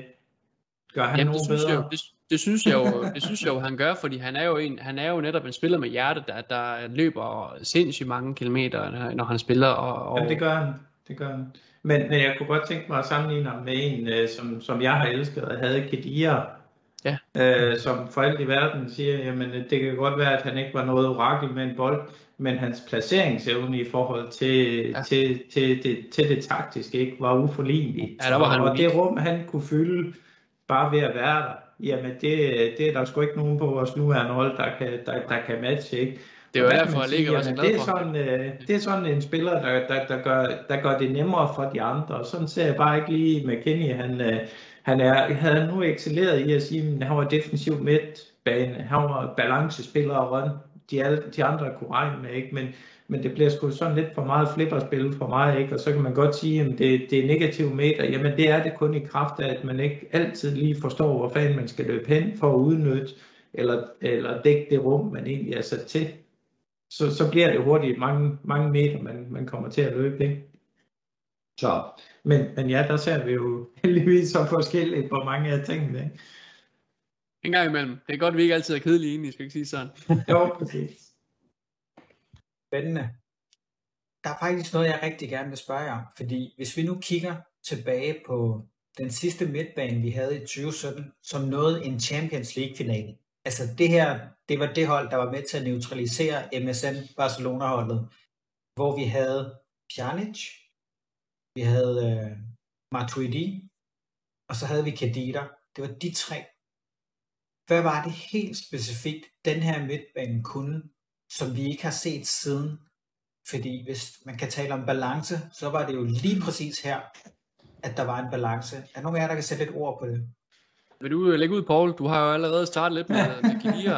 Øh, Ja. Så jeg synes det er bare, at du skal tage... Jeg har også masser at sige til det, hvis det er, men tag du lige den første. Ja, ja, men altså, man, man kan jo sige, hvis vi starter med, med, med det helt overordnede, så er det jo su- supplementet af de tre, ikke? hvor, øh, hvor Kedir, jamen, øh, til trods for alle hans mangler, ikke? Jamen, så, så var han bare sindssygt dygtig til at fylde meget på banen. Øh, han var også sindssygt dygtig i, i, i løbende i, i anden geled. Øh, når der var chancer der, jamen, så fyldte han altid på ind i feltet, så man kunne regne med, jamen, fik vi ikke første bolden, så kom Kedir typisk i anden bolden, eller ind imellem, så var han faktisk i feltet og, og modtog bolden derinde, hvor, hvor modstanderen ikke havde opdaget det. Så hans, hans løb på banen og hans fylde øh, på banen var, var, var en af hans spidskompetencer, hans taktiske øh, overvågenhed. Øh, øh, Pjanic, jamen det er jo... Hvis lige nævne Kadita, han scorer jo også mål. Altså han er jo en af de jo, få midtbanespillere, vi har haft, der har lavet et hat-trick. Altså, ja. det, det er ikke særlig tit, det sker, at et midtbanespiller laver hat-trick. Plus alle de mange assist, han laver. Jeg husker specielt den, han lavede på Banabeo efter få minutter mod øh, Real Madrid, hvor vi skulle vende 3-0 det var mm. altså Kadita, der lige startede med at lave den der geniale øh, lob ind i boksen, hvor Mandzukic banker den ind med hovedet. Men jo, jo, præcis. Så, så helt overordnet, hans løb og hans taktiske awareness, det var uforligneligt. Det er der ikke mange, der, der, der, der har haft på Juventus-holdet før eller siden. Øh, og Pjanic, jamen han, er, han er jo så lidt ala Locatelli, ikke? Jamen han er jo, han er jo bolddistributøren, ikke? Som, som sørger for, at der et flow i spillet. Pirlo var bedre til den rolle, men det er så en helt anden ting. Øh, der var ikke mange, der var bedre end Pirlo på den plads, men, men, men Pjanic udfyldte rollen i forhold til at distribuere boldene. Øh, både sætte hastighed, tage hastighed ud og, og så videre. Ikke? Og, og Matuidi var jo faktisk den, der blev balancespilleren i det her regnskab, ikke? hvor han dækkede for, øh, for flere af de offensive, og nu snakkede øh, Jimmy meget omkring de her negative meter. Ikke? Det var ikke ham, der var noget orakel med en bold, men, men du kan være helt sikker på, at det var ham, der tog slæbet for dem, der mistede bolden, når der skulle arbejdes retur, når der skulle arbejdes defensivt osv. Jamen så var det ham, der, der, der tog de løb der. Så, så hele regnestykket handler jo netop om at sige, at du har nogle spillere, øh, der måske ikke nødvendigvis er verdensstjerner i sig selv, men, men de har nogle spidskompetencer, der supplerer hinanden, sådan at, at man får, får 1, 1 plus 1 til at give 3. Ikke? Så, øh, øh, så, så, så det er den måde, man i hvert fald som træner står og kigger på typer af spillere. Det er jo noget, det Allegri snakker meget om. Han kigger heller ikke så meget på, på placeringer. Øh, og, og, og der står man jo som træner og siger, hvilke spidskompetencer har de forskellige spillere, hvordan parer man dem sammen til at få en dynamik i forhold til forsvaret, til midtbanen og til angrebet øh, eksempelvis. Så Mandzukic er jo, er jo endnu et eksempel. Han excellerede heller ikke som, som, som angriber i, øh, i målscoringsår, da han kom til. Men hans arbejdsradius og hans løb og så videre gjorde jo blandt andet, at han kompenserede for mange af de offensive ved at blive rykket ud på venstre kant, ikke? og tog de defensive løb og lukkede området ned der. Så, så, så, så det, er jo, det er jo så en anden side af, af sagen, ikke? Men, men, men det var i hvert fald øh, øh, en, en sammenkædning med den måde, Allegri han, han kigger typerne på. Man kan jo sige, at Matuidi, han er sådan en, der har været meget udskældt øh, af mange juventus hvor jeg tænker sådan lidt, jamen, øh, hvis man nu lige tænkte på en vis klub, der hedder Real Madrid, og en vis spiller, der hedder Claude Makulele, hvor jeg ved ikke, hvor mange af Real Madrids fans dengang var ude med riven efter ham, og sagde, at han er kraft der bare, hvad kan han overhovedet? Og han er da mega kedelig at se på, og wow, altså hvor det bare fantasiløst med ham på midtbanen, og altså, det, der er jo næsten, altså, den, den, altså, der, altså, i dag der, der siger man nærmest, men hvad er det, en spiller? Men det er Makalele-typen. Altså, der er nærmest en rolle op, opkaldt efter ham. Lige så snart, at man skældte sig af med dem, så faldt uh, Real Madrid's midtbane sammen. øhm, Ikke han bare sammen, foran... det var fuldstændig sammen. Ja, det, og det er jo, der kan man sige sådan, en mand som Matuidi, han er, han er også en Makalele-type, bare en lidt mere måske, moderne udgave, der ligger sådan øh, lidt længere fremskridt på banen, og er med til at lægge et højere pres, hvor Makaleles øh, kan sige, arbejdsradio lå lidt mere sådan tilbage trukket i, øh, kan sige, ned i, i, i Ankermandsområdet. øh, området. Øhm, og der, der vil jeg jo sige, at jeg kan godt forstå, at nogle fans måske godt har, har været lidt frustreret over, at, at Matuidi måske ikke har kunne tage 10 på foden. han kan ikke tæmme en bold, som folk altid råbte. Han kan ikke tæmme en bold. Nej. Jamen, altså, han, han modtog bolden, så røg den jo et par meter frem. Ikke? Og det er rigtigt nok, han har haft nogle, nogle tekniske mangler i forhold til det fremadrettede spil, det er klart, men de andre ting, han har tilført holdet, har jo været, været unikke. Altså, der er jo en grund til, at han har været fastmand på det franske landshold, der har vundet alt i, i, i, i en længere periode. Øhm, og, og der er jo ikke nogen tvivl om, at, at Mazzoli, det er for min holdning, han, han var en, en klar verdensklasse spiller i sin rolle. Ikke, ikke som teknisk øh, midtbanekreatør, men som balancespiller, der løb de negative kilometer, satte taklingerne ind og dækkede et enormt område øh, rent defensivt, der var han verdensklasse. Øh, så det er jo klart, at, at, at det, som, det som Paul, du er også meget inde på, det er, jamen det vi havde i den midtbane, det var fandme, det var specialister. Bjarnes var, øh, var en midtbanekreatør, specialist. Øh, Matuidi var en fantastisk balancespiller, der, der var sådan nærmest en defensiv midtbanespiller fremskudt. Og så havde vi Kadira, som var den her, hvad kan man, den, den meget man sige, intelligente boldspiller, øh, der vidste altid, hvor han skulle stå på midtbanen, og det er en luksus for enhver øh, træner, men kan så også være frustrerende, når man, når man så ser på, på, på, altså på hans senere år, hvor man tænker, jamen det kan godt være, at han står det rigtige sted, men han bidrager så, øh, han endte så ikke med at bidrage med ret meget andet end det i en, i en længere tidsperiode, og det er så heller ikke godt nok. Øh, der, der er ikke nogen tvivl om, at han ikke var god nok til sidst. Men da han var i sit prime, jamen, der var han også specialist til den måde, han, han spillede på. Så, så det er jo nok det her, som vi, vi, vi ser med vores nu, nu, nuværende midtbane, det er, at vi har ikke haft Arthur i sit prime endnu. Han har været skadet et stor del af tiden. Vi har ikke haft en Locatelli før nu. Det er jo så noget, der har manifesteret sig andet. Og så har vi så en, en Bentancur Rabiot, som jeg tror på kan udvikle sig til at blive nogle gode box-to-box midtbanespillere, så længe de har de rigtige rammer omkring sig. Og det har de heller ikke haft nu, som rigtigt. Øh, jeg, jeg tror lidt på, at så frem de to spillere egentlig får lov til at gøre det, de skal, og ikke bliver sat i en rolle, hvor jamen, jeg tror også, at Pirlo har noget at bruge øh, Rabiot som register i en af de første kampe. Øh, så længe de får lov til at udføre deres roller øh, i det de, det, de er gode til, jamen så tror jeg også godt, at de kan komme til at florere lidt. Det er det med, at Allegri han er god til at få det bedste ud af sine spillere. Men lad os nu se, hvad det er for en konstellation, han finder på. Der er klare forskelle på, på, på en, en Champions League finale midtbanen, og så den vi har nu, det er der ikke nogen tvivl om, men jeg synes stadigvæk, at man er lidt hård ved, ved, ved det spillemateriale, der er til rådighed, fordi der er altså en enorm mængde talent.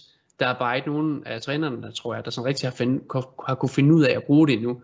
Altså hvis du ser på en mand som Rabiot, en mand som, som Benzgur, jamen så er det jo spillere, der, der godt kan lide at være dynamiske og rende lidt frem og tilbage og, og det hele. Men er blevet begge to øh, af, af mand som Pirlo blev brugt som øh, balancespiller, bare skulle ligge helt, altså sådan helt stationært, som du siger, balancespiller, men med spiller skulle ligge helt stationært, og helt sikkert for mange løb, fordi så fucker det op med, med holdets øh, hvad det, det, um, struktur. Så lad os se, hvad jeg ligger her ud af dem. Det bliver spændende, synes jeg. Og det man også skal huske, det er, at en midtbane i moderne spil, det er jo typisk en tremandsmidtbane, som vi ser. Og øh, der er altid den her spiller, der vil være i skyggen, men som faktisk er den, der holder det hele sammen. Fordi hvis man bare kigger på nogle af de hold, der har vundet Champions League her inden for de sidste 10 år, så havde man jo i Real Madrid, der havde man de to helt store stjerner. Det var Cruz, og det var Modric. Det var kun de to, man lagde mærke til. Og hvis man så ser på det hold, der vandt Champions League, altså helt tidligt i, i 10'erne, der var det altså Kedira, der var den spiller, som man havde ligesom til at skabe hele den her balance på Real Madrid-holdet. I de senere år, hvor Real Madrid vandt Champions League, der var det Casemiro, man havde i den rolle. Og hvis man så går over til Barcelona, som slog os i 2015, der var det Xavi og Iniesta, der var stjernerne. Men ingen taler om Busquets, som faktisk var den, der holdt det hele sammen. Mm. Så, øh, så vi skal jo lige præcis have en, der skal være i skyggen, som kan gøre det. Er det Arthur? Muligvis. Nej, nej. Altså, ikke i skyggen, nej. Altså, det, jeg synes mere Arthur, han er jo, jeg synes mere, han er, han er spilleren, der skal, få, der skal få det hele til at, at flyde. Han kommer til at være manden i maskinrummet, lidt ligesom en Jorginho. Øhm, hvor, hvor, hvor jeg nok vil, nok vil mene, at, at, Ja, han, han kommer nok til at få en fremtrædende rolle, især fordi han kommer til at få rocker mange boldberøringer, når første spiller. Jeg tror nok mere manden i skyggen, den der skal være, det er den der sådan er stålet på midtbanen, Øh, jeg ved ikke om, altså jeg, jeg, tror, jeg tror mere, det er en mand som, som, som Bentancur, der kommer til at skal, skal have slavetjenesten og, og, og løbe meget for de andre, når først han endelig spiller. Øh, fordi playmaker-mæssigt, der kommer vi ser, til at se Arthur forhåbentlig florere i øh, det korte passningsspil, og med et godt samspil med Locatelli i det mere vertikalt rettede øh, hvad er det, chanceskaben, direkte chanceskabende spil. Og så har vi, en, som, som Paul siger, en mere en lev på sig spiller, som Bentancur for eksempel, der, der kan finde ud af at arbejde stenhårdt øh, og løbe øh, sætter ret. Så jeg tror mere, det er, jeg har, det, det, hvis man skal have en unsung hero, så, som nok ikke kommer til at sætte the world on fire i forhold til mm. sine store spilmæssige egenskaber, så er det nok ham, tror jeg. Ja. Ja, den kan jeg godt købe ind på, sådan så at du tænker, at stjernerne kommer til at være Locatelli og Arthur, og så er der så Bentancur, som der er i skyggen, som får det hele til at flyde sammen. Paul, er det vores bedste midtbane, som vi kan stille med, når alle er 100% fedt? Ja, i hvert fald for det nuværende. Altså man, man, man skal ud og have en, en balancespecialist. Øh, det er et af de, øh, de køb, man, man skal foretage til, til næste sommer. Altså man har to dygtige boldspillere, i både Locatelli og Arthur, Øh, og så kan man supplere op med Rabiot eller Bentancur, men, men ideelt set, så skal hverken Bentancur eller Rabiot starte i, øh, i en start 11 og så også Det er de simpelthen, øh, ja, et, de har ikke niveauet, og to, der er for langt fra top til bunden igen, og der er for langt mellem toppræstationerne hos dem. Deres helt store problem, begge to, det er, at der er ingen af dem, der er sekser, der er ingen af dem, der kan vende med bolden under pres. Øh, de smider den lynhurtigt væk, når de bliver presset øh, hårdt, med, når de er fejlvendte. Og det vil sige, jamen de, øh, Bentancur kan heller ikke bruges som sekser. Den, den diskussion havde vi jo sidste år. Det viste han øh, så eklatant i, i flere af de der Champions League kampe, vi havde, hvor han blev brugt som sekser. Men det kan han ikke. Øh, og det er også problemet, hvis du har en decideret balancespiller, ikke? Jamen, han skal gerne være være, være en, som, øh, som selvfølgelig kan binde sammen, så han skal være taktisk klog, og det er Bentancur heller ikke det, han excellerer i. Han skal være taktisk klog og kan styre de andre, og kan styre balancen i, øh, i spillet, han skal have masser af meter, men han skal altså også kunne, kunne deltage i opbygningsspillet ned fra bagerskæde af nødvendigvis, så der ikke bliver øh, den rotation, der hedder, at øh, Arthur og Locatelli kan deltage i opbygningsspillet, og når man så går i afslutningsspil, jamen, så skal Bentancur falde tilbage, og så, øh, så agerer balancespillere der. Det kan godt være en fin nødløsning, men, men, men ideelt set, så, så er man nødt til at have nogen, der har et højere teknisk niveau end, end, end det han lige har, og så den her taktiske awareness, der, der kan få, få det til at binde sammen, hvor han også kan trække trådene på de andre og styre dem. Det er, øh, det er der en, en, en balancespiller excellerer, ikke? så vi skal ud og have vores, øh, vores egen Kanté, vores egen Casemiro eller noget lignende det, som, som kan frigøre nogle af de, de offensive kræfter også. Jeg, øh, jeg er måske ikke helt øh, overbevist om, at det er den måde, Allegri vil spille på. Jeg kunne sagtens se, at, øh, at han får svært ved at bruge Locatelli og Arthur på én gang. Øh, jeg tror kun, han vælger en af dem, og så, øh, så vil han satse meget hårdt på at få to øh, afsindig dygtige box-box-spillere, der har ekstremt stor løbepensum i sig, men, men som også er teknisk dygtige, som, er, som kan arbejde og kompensere for, at, øh, at, at han så bruger øh, nogle, nogle andre offensive, eksempelvis Chiesa og Dybala, kan, kan frigive dem. Altså Allegri er jo kendt for, at alle hans spillere skal være to ikke? Så, øh, så jeg har svært ved at se, at, at, at han i hvert fald med, øh, med den tilgang, han har vist indtil videre, sådan rent taktisk, skulle øh, forlade sig på og sige, at vi, øh, vi sætter to eller tre rigtig dygtige midtbane boldspillende spillere ind, som, øh, som primært excellerer i at skabe spillet. Øh, det tror jeg. Så med andre ord, så synes jeg, at du siger Pogba. Pogba. Pogba, ja. ja. Altså, jeg har jo faktisk en anden joker i forhold til lige præcis den her balancerolle. Det er måske en spiller, som alle ikke har hørt om endnu. Han er franskmand, han er 21 år, han spiller i Monaco, og han hedder Chomeni. Han er nemlig defensiv midtbanespiller, og han kan ligge på den der plads han har faktisk været en, der allerede har været rygtet til Juventus, og faktisk har jeg læst flere steder, at hvis man kan få skibet en midtbanespiller nu i januarvinduet, så er det faktisk en som Chomeni, der er først på listen. Ja, ham, ham er man også meget lun på, ja. Ja, ham kan man nok få for omkring de der 30 stykker der, og han har jo haft debut på det franske landshold. Så, så kan man altså lidt han kunne godt være, være en af dem. Hvad, hvad tænker du om ham i stedet for Awar? Oh, jeg ved, altså... du elsker Awar, men han er jo den der kreatør. Har vi virkelig brug for en kreatør? Er det ikke mere den her balancespiller på den defensive midtbane? Det er, jo, det er jo som man tager det, kan man sige. Det kommer også, øh, som Paul er meget ind på, det kommer jo også an på, hvordan man, hvordan man gerne vil spille. Øhm, jeg ser, jeg ser det måske ikke som værende en midtbane fyldt af defensive brister, hvis du har en Locatelli og en Bentancur til at dække af, fordi Locatelli han fylder udmærket defensivt, uden at være specialist.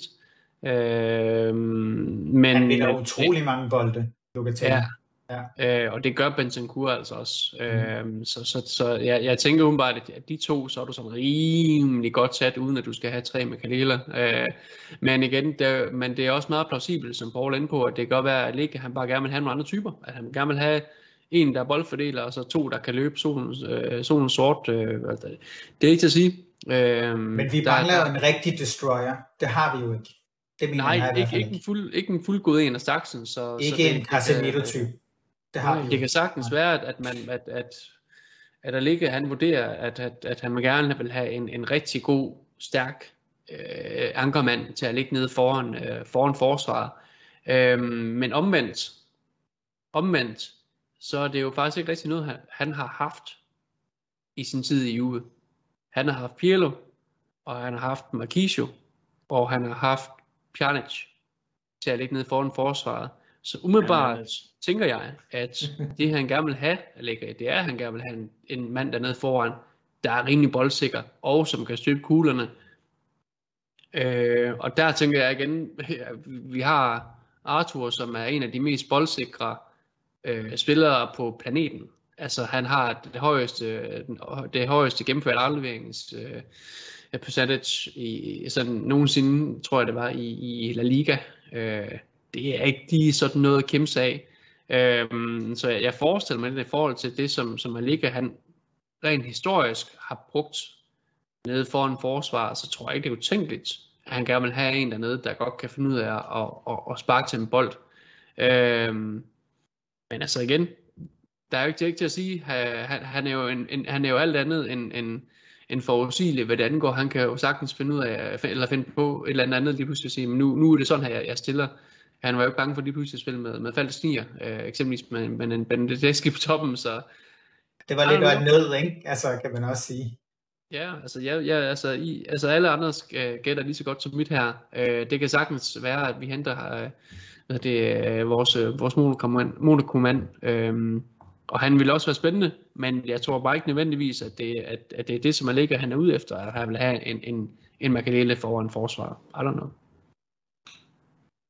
Ja, spændende input, kan man sige. Nu må vi jo se, øh, hvad der skal ske, fordi øh, altså lige præcis en type kan jo afgøre det hele. Fordi Chelsea, de manglede Kanté, og hvis man kigger på statistikkerne, og var inde og læste den optag, jeg skrev, så er det typisk, når Kanté ikke er med, så taber de, eller smider point. Det er helt normalt. Så når man kan bare se, hvor meget sådan en spiller betyder for, for holdet i sidste ende. Vi hopper videre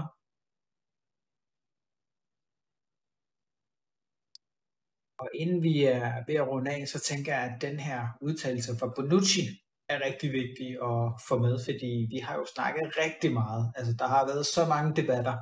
Er Juventus bedre eller dårligere uden Ronaldo? Og man kan sige, at de personlige stats, som Ronaldo havde, de kan nærmest ikke blive bedre. De var fantastiske. Til gengæld var der også en drop hos mange af de andre spillere, kan man sige. Og der kan man så vente om at sige, jamen har Bonucci ret, når han siger, jamen det der med, at spillerne fik en fornemmelse af, at nu har vi verdens bedste fodboldspiller nogensinde, Ronaldo, vi giver ham bolden, så sørger han for, at vi vinder. Er det måske noget, der har fyldt lidt for meget i hovederne, når vicekaptajnen for Juventus, en af vicekaptajnen, kommer ud og udtaler det her? Hvad tænker I om det? Altså det, øh, hvis, altså, hvis man skal give en kommentar til det, så er det jo det her med, at, at vi har det her øh, relativt unge hold med, med mangel på, på, på etablerede verdensstjerner, som har ambitionen til at gå ud og sige, det kan godt være, at der er nogen på holdet, der er gode, men jeg vil fandme også være den bedste. Øhm, så har man set på, på et hold som, som Real Madrid tidligere, hvor, hvor han spillede, der havde du spillere som Gareth Bale og Benzema og Mesut Özil, som altså assistkongen Özil, Øh, du har haft Rune Kroos, Modric, og jeg skal komme efter jer. Øh, Sergio Ramos, og ja, så man kan blive ved. Altså verdensstjerner, som, som, som går ud og siger, men jeg spiller for, for at klubben vinder, men jeg er også, altså, man, man, man, man har også ambition om, at jamen, jeg skal kræfte med verden. Jeg skal også være den bedste spiller på planeten.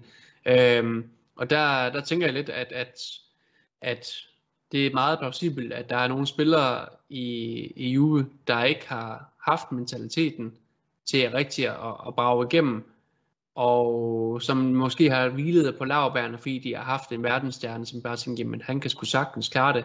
Og det er også noget af det, man har, vi har set lidt, og som folk de egentlig har, har påpeget, det er, jamen for fanden, der, hvorfor giver spillerne så ikke mere?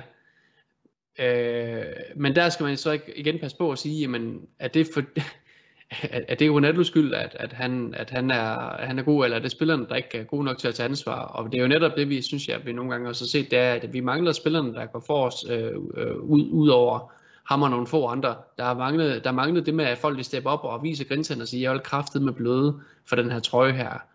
Øh, så, så det Bonucci, han siger, kan jo et eller andet sted godt være, være rigtigt, at der har været nogen, der ikke har haft mentaliteten til at begå sig i en topklub sammen med verdensstjerner. Fordi de har ikke været i stand til at tage nok ansvar selv. I don't know. Det, og det er lige præcis en af de ting, som Paul har nævnt rigtig mange gange. Ikke? Altså det der med Rabiot og Bentancur, der går lidt rundt på banen og kigger ned. Kan du ikke lægge, sætte nogle flere ord på det, Paul? Ja, nu, nu sagde Jimmy det jo rent faktisk, hvis man skal, skal det væk med superstjernen til sidst, jamen de har ikke mentaliteten til at være i en topklub. Altså der, der, der er simpelthen... Øh, man kan vente den om og sige, jamen havde du verdens bedste spillere til at sætte dit referencepunkt hver eneste dag til træning, så kunne man også mentalt sige, hold kæft mand, der er noget, jeg skal stræbe efter, jeg skal prøve at presse mig selv for at komme op på hans niveau.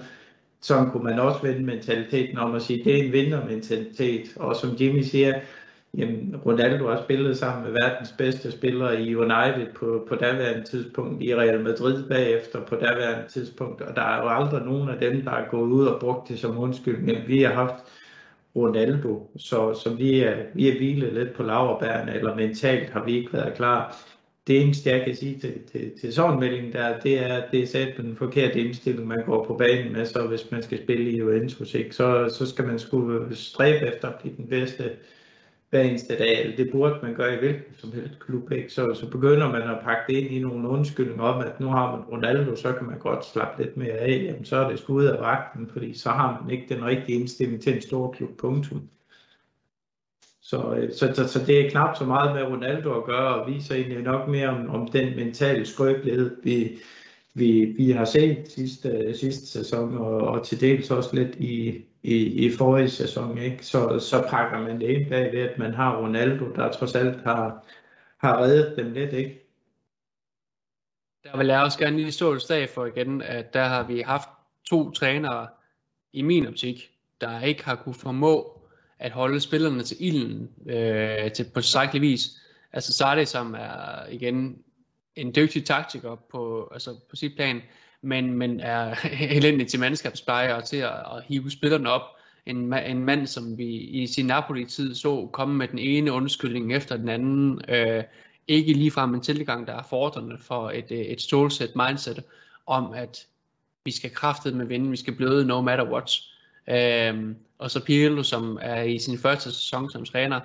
Øh, det, det, det, det, jeg, jeg, jeg tror bestemt, at havde man haft en mand som jamen, Allegri eller Fabio Capello, eller ikke at Capello er en af mine men, men, men, men typen, typen, der ville kunne gå ind og sige, I præsterer simpelthen ikke godt nok til træning. I er simpelthen nødt til at, at, at, at få, altså en, der virkelig går ind og ruske i spillerne. Det er det, vi har fået nu, kan man sige. Øh, så vi kommer, jeg tror, vi kommer til at se en opblomstring, øh, forhåbentlig blandt nogle af dem, som har gået og sådan noget. Nu skal lidt, for det, det, det, det godtager ligger bare ikke slet og ret. Altså, så er det ud af vagten, det vil han ligesom ikke se på. Øh, men det, men, men jeg, jeg tror helt klart, at, at noget af det, som, som man kan tilskrive det her, det er, at vi har haft nogle spillere, der måske ikke har været klar til at spille i Juve, og samtidig har haft to trænere, der ikke har haft, undskyld mig, men nosserne til at kunne huske ordentligt spillerne og sige, nu tager I kraftet med sammen. Det her det er Juventus shape up. Det er jo det. Det er jo, det er jo heller ikke for sjovt, at man kalder ham for Mad Max. Og, mm. og noget jeg tænkte, der var rigtig fedt, det var, at uh, da Juventus spillede 1-1 imod Milan, Allegri han var så rasende, at han gik ned i spillertunnelen og talte uh, med sig selv, og så siger han så højligt, og de her spillere vil gerne spille for Juventus. Det fortæller altså bare, altså det her det er en træner, der forventer noget af spillere hver eneste dag. Han sætter spørgsmålstegn ved, gør du nok for klubben? Bløder du nok for trøjen? Og jeg synes, at vi har nogle fanebærer nu, især Locatelli, altså den måde, som han kaster sig ind i dueller. Altså det er alt eller intet taklinger. Og det så man jo mod Chelsea. Altså du kunne jo bare se hver gang, at der var en, der kastede sig, så stod den næste klar til at gardere sig. Altså det, jeg så spillere, der blødte for trøjen, og det var fantastisk at se. Det kan godt være, at det ikke var den smukkeste kamp, men jeg kunne i hvert fald mærke, at der bankede mit juvehjerte igen, og det har altså stået stille i nogle år. Det må jeg indrømme. Jeg, jeg føler sådan lidt, altså den her fairy tale, vi har været på med, med Ronaldo, den er slut nu. Nu skal vi tilbage til virkeligheden, hvor vi kæmper for trøjen, og hvor at det er vores fightervilje, der vinder os øh, pointene og kampene. Og der er mit spørgsmål så. Hvis ikke vi havde Allegri som træner nu til at hive de spillere op, der ikke har præsteret i de sidste to år, hvad så? Det er min pointe, det er, at, at vi har haft, øh, hvad, hvad ville der have været sket i de sidste to år, hvor vi ikke har haft trænerne til at hive spillerne op? Hvad ville der ske, hvis vi ikke havde haft Ronaldo der? Det kan vi så lige tænke lidt over. Tør man? Havde, havde, de så, havde, de så, havde spillerne så taget ansvar? Det tror jeg ikke. Nej, det tror jeg faktisk heller ikke.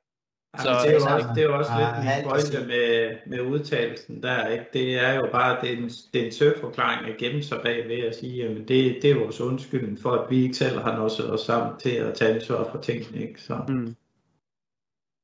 Ja, men jeg tror jo også, at Bonucci langer ud efter spillerne her. Ja, altså, jo, jo. Fordi det, det er jo det, han gør. Det er jo spillerne, mm. han langer ud efter og siger, at øh, de underbevidstheden begynder at tænke, at nej, han skal nok vinde kampen for os, og det er ikke nok i en klub som Juventus. Du skal selv gøre, hvad du kan for at vinde kampen. Mm. Og det er det, jeg føler, vi er begyndt at se. Ja. Så har vi lige Chiesa. Det, vi bliver nødt til at lige tale om ham, inden vi øh, runder af for i dag. Og Jamen, det er jo godt, det er jo godt spørgsmål. En af Jamen altså, det, jeg tror, at vi har, øh, har vi ikke boret dybt ned i, i Chiesa efterhånden øh, rigtig mange gange. Altså, han er jo, han er jo gaven, der bliver ved med at give, ikke? Og, og, og performe på netop det her høje niveau, som vi har snakket om rigtig mange gange. Han er specialist i, øh, i udfordringerne, han er specialist i omstillingerne, han er specialist i farten og afslutningerne, ikke? Det er så nogle typer, vi skal, vi skal have ind på, på de forskellige pladser, hvor de så har hver deres spidskompetence. Ikke? Det, det, det, det er den slags folk, der kommer til at drive øh, udviklingen. Og så er det jo bare sød musik i vores ører, ikke? at han er en ung italiener, som vi har hentet, der, der lykkes med at slå igennem. Ligesom Locatelli forhåbentlig også fortsætter med at gøre. Ikke? Så, øh, så ser det rigtig spændende ud. Og nej, jeg vil ikke sige, at han er fremtidens mand, han er nutidens mand, ikke? fordi ja. det er jo nogen ham, der, der, der jo virkelig excellerer og slår igennem, når der er allermest brug for det. Så det er en rigtig fed fyr. Ja, og det, og det er ham som eksperten her. han sad dengang vi hentede ham. Jeg sad og tænkte, fanden, henter I ham nu? Skal vi have endnu en højere ving? Hvad er nu det for noget, man? Hold nu op. Og en ny Bernadeschi. Hvad siger du? Ja, en ny Bernadeschi. Ja, ja, ja, præcis, mand. Og jeg, jeg, jeg, jeg, jeg sad der og tænkte, vi har sgu allerede nogen, der kan spille på den plads. Så, så rigeligt, så rigeligt. Men jeg uh, skal da lige over for, at, uh, at jeg blev godt nok, min, min syv blev godt nok sat uh, til skamme, da jeg holdt nu fast, men det er, ja, giv ham nummer 7 til næste sæson, tænker jeg. Han kunne allerede på det. Han, han fortsætter med at imponere, synes jeg ikke. Også fordi, jeg kan huske lige da jeg så ham i starten, okay, det der, mod, det der mål mod Atalanta, jeg tænkte, okay, det var virkelig fedt, men uh, må det ikke, det er bare en engangsvalg, ikke? Men uh, han blev ved. Han blev ved og ved og ved, og han viser bare, at han er totalt big game player. Han viste det ved EM, han tog ansvar, kommer ind, scorer, hvad var det mod Schweiz, som en, mm. øh, går i straffespark, ikke? Altså, han viser det gang på gang, vinder kampen, øh, og, og han er faktisk, jeg tror, jeg læste en statistik om, at han er den yngste spiller, der har lavet matchvindende mål her i de sidste mange øh, kampe. Eller også var det hele sidste sæson eller et eller andet. Han mm. er bare en game changer. Og det er lige præcis sådan en mand, man skal have for at vinde Champions League. Altså, det, var, det var også derfor, vi hentede Ronaldo fordi vi skal have en game changer. Vi har altså Chiesa nu. Jeg er ikke så bange for, at vi ikke har Ronaldo mere, når vi har sådan en spiller. Fordi Dybala, jeg havde ønsket, at han kunne afgøre kampe på samme måde, som han, han kan, på et fast niveau. Og det er jo det, bare ikke kan. Han kan gøre det til tider, men han gør det ikke kontinuerligt. Det er et problem. Kieser, han kan. Jeg er overbevist. Han bliver ved. Og inden vi runder af, så tager vi lige øh, to spørgsmål fra forum. Det første, det er Mikkel Heideby, der spørger, hvor kan vi forvente, at Juventus slutter i år, velvidende, at de allerede er 10 point fra toppen? Er top 4 et realistisk mål? Hvem vil have lov? Vi vinder. Ja. Og hvad siger du på? Ja, men altså selvfølgelig er det realistisk, ikke? Altså vi er, vi er, vi er nogle få runder inde i, i, i turneringen, ikke også? Og som Allegri selv er ude og spøge med, ikke? Jamen så efter 10 runder for, var det 6-7 år siden, ikke? Jamen så lå han nede som nummer 14, ikke? Og vandt alligevel mesterskabet, ikke? Så selvfølgelig er det det. Øh, der, er jo, der er jo en grund til, at man siger, at sæsonen er lang, og den starter i marts, og alle de der spøge ting, der er ikke, men men vi har jo bare set igen og igen, jamen dem, der, der slutter i toppen, det er dem, der har øh, der også er med på, på den sidste del af strækningen. Ikke? Atalanta så spændende ude for i år, ikke? Øh, hvor, hvor de, de nærmest var, var urørlige i første halvdelen af sæsonen. Ikke? Så på, på the home stretch øh, frem mod sommeren, ikke? Jamen, så kollapser de fuldstændig ikke? Og, og render ind i det ene nederlag efter det andet, ikke? og så, så klæder de helt ud af, af, af, af den rigtige topstrid. Ikke? Så, så det handler om kontinuitet og, og selvfølgelig få noget traction i, ikke? Og, og så er det klart, at når nu vi er bagefter, så skal vi selvfølgelig slå vores direkte modstandere, når de kampe kommer, ikke? Altså Inter Milan, øh, Napoli og så videre, ikke? Øh, der, så henter vi de point på, på, på dem, ikke? Og så gælder det om at, at få skrabet de der point sammen mod, øh, mod de mindre hold, ikke? som du selv sagde, jamen øh, det her med at vinde grimt, det skal man også kunne, ikke? Øh, og det er klart, jamen øh, vi er, vi er i den ulempe, at, at vi, har ikke, vi har ikke et sammentømret hold på den måde. Vi har ikke en, en, en sammentømret identitet og så videre, som mange af de andre hold har. Så, så, så der ligger en del mere arbejde i værktøjskassen, der skal, der skal udføres øh, for at lægge i, i den her sæson. Ikke? Men selvfølgelig havner vi i, i, øh, i top 4. Du siger kun top 4? Ja. Jimmy siger, at vi vinder. Altså, jeg synes, den er svær, fordi den her gang, der er der langt bedre hold med, end hvad der har været tidligere. Vi har set et af de bedste interhold nogensinde, og, eller i nyere tid kan man sige. Øh, og selvom de har mistet to klassespillere, så kan de stadig finde ud af at vinde. De kan stadig score mål. De, de har faktisk alle topstatsene i øjeblikket. Jeg tror, topscore og top assist. Mm. Jo, og det er jo det, man skal holde for øje, ikke? Det er at sige, at sidste gang vi gjorde det her nummer, ikke med at komme langt bagfra, og så alligevel vinde, der var det væsentligt dårligere hold, og Juventus var et væsentligt bedre hold, end vi er nu. Øh, det, det, det, de, de, de øh, variabler har vi altså ikke i, i, i den her sæson, ikke? Så, så man kan sige, jeg tror, jeg tror, vi ender i, øh, i top 4. Det er også, øh, alt andet, det må også være målsætning, ikke? Og så sige, jamen, så, så får vi opbygget konceptet fra bunden af øh, igen øh, den her sæson, og så får vi suppleret op med de rigtige spillere til, til, til sommer, og så sørger vi for at sætte det næste skub ind på, på de næste 9-10 titler derfra. Altså grunden, grunden til, at jeg siger, at vi vinder det, jeg siger så også meget optimistisk, jeg er også godt klar over. Grunden til, at jeg siger det, det er, fordi jeg øh, fra den første kamp så et helt andet hold, et helt anden, en helt anden struktur, en helt anden organisation, end vi har set de sidste to år. Første kamp. Mm. Øhm, jeg tror, at når vi, når, når vi for, hvad hedder det, når ligger han får nogle flere, man sige, nogle flere måneder til at gøre sit arbejde, og han kan få sat den her mentalitet, eller genetableret den mentalitet i spillerne, som, som der var dengang han var der, så, så, så forestiller jeg mig, at, at, øhm, at han også får tid til at arbejde på nogle andre ting end bare defensiven. Og det er jo det klart, at, at det, som han har virkelig arbejdet på nu, det er at få stabiliseret defensiven. Det vil jeg mene, at det lykkedes for ham. Igen, kvæg det, som vi snakker om tidligere med, at grunden til, at der er havlemål ind, det er personlige fejl. Og ja, det har noget at gøre med, at, at selvfølgelig personlige fejl, det har også noget at gøre med, at spillerne er presset øh, mentalt i forhold til, at de skal også kende deres position og banen, de skal have et indbyrdes aftaler på plads, de kan køre tingene med lukkede øjne, øh, og tingene sidder på ryggraden. Det kommer.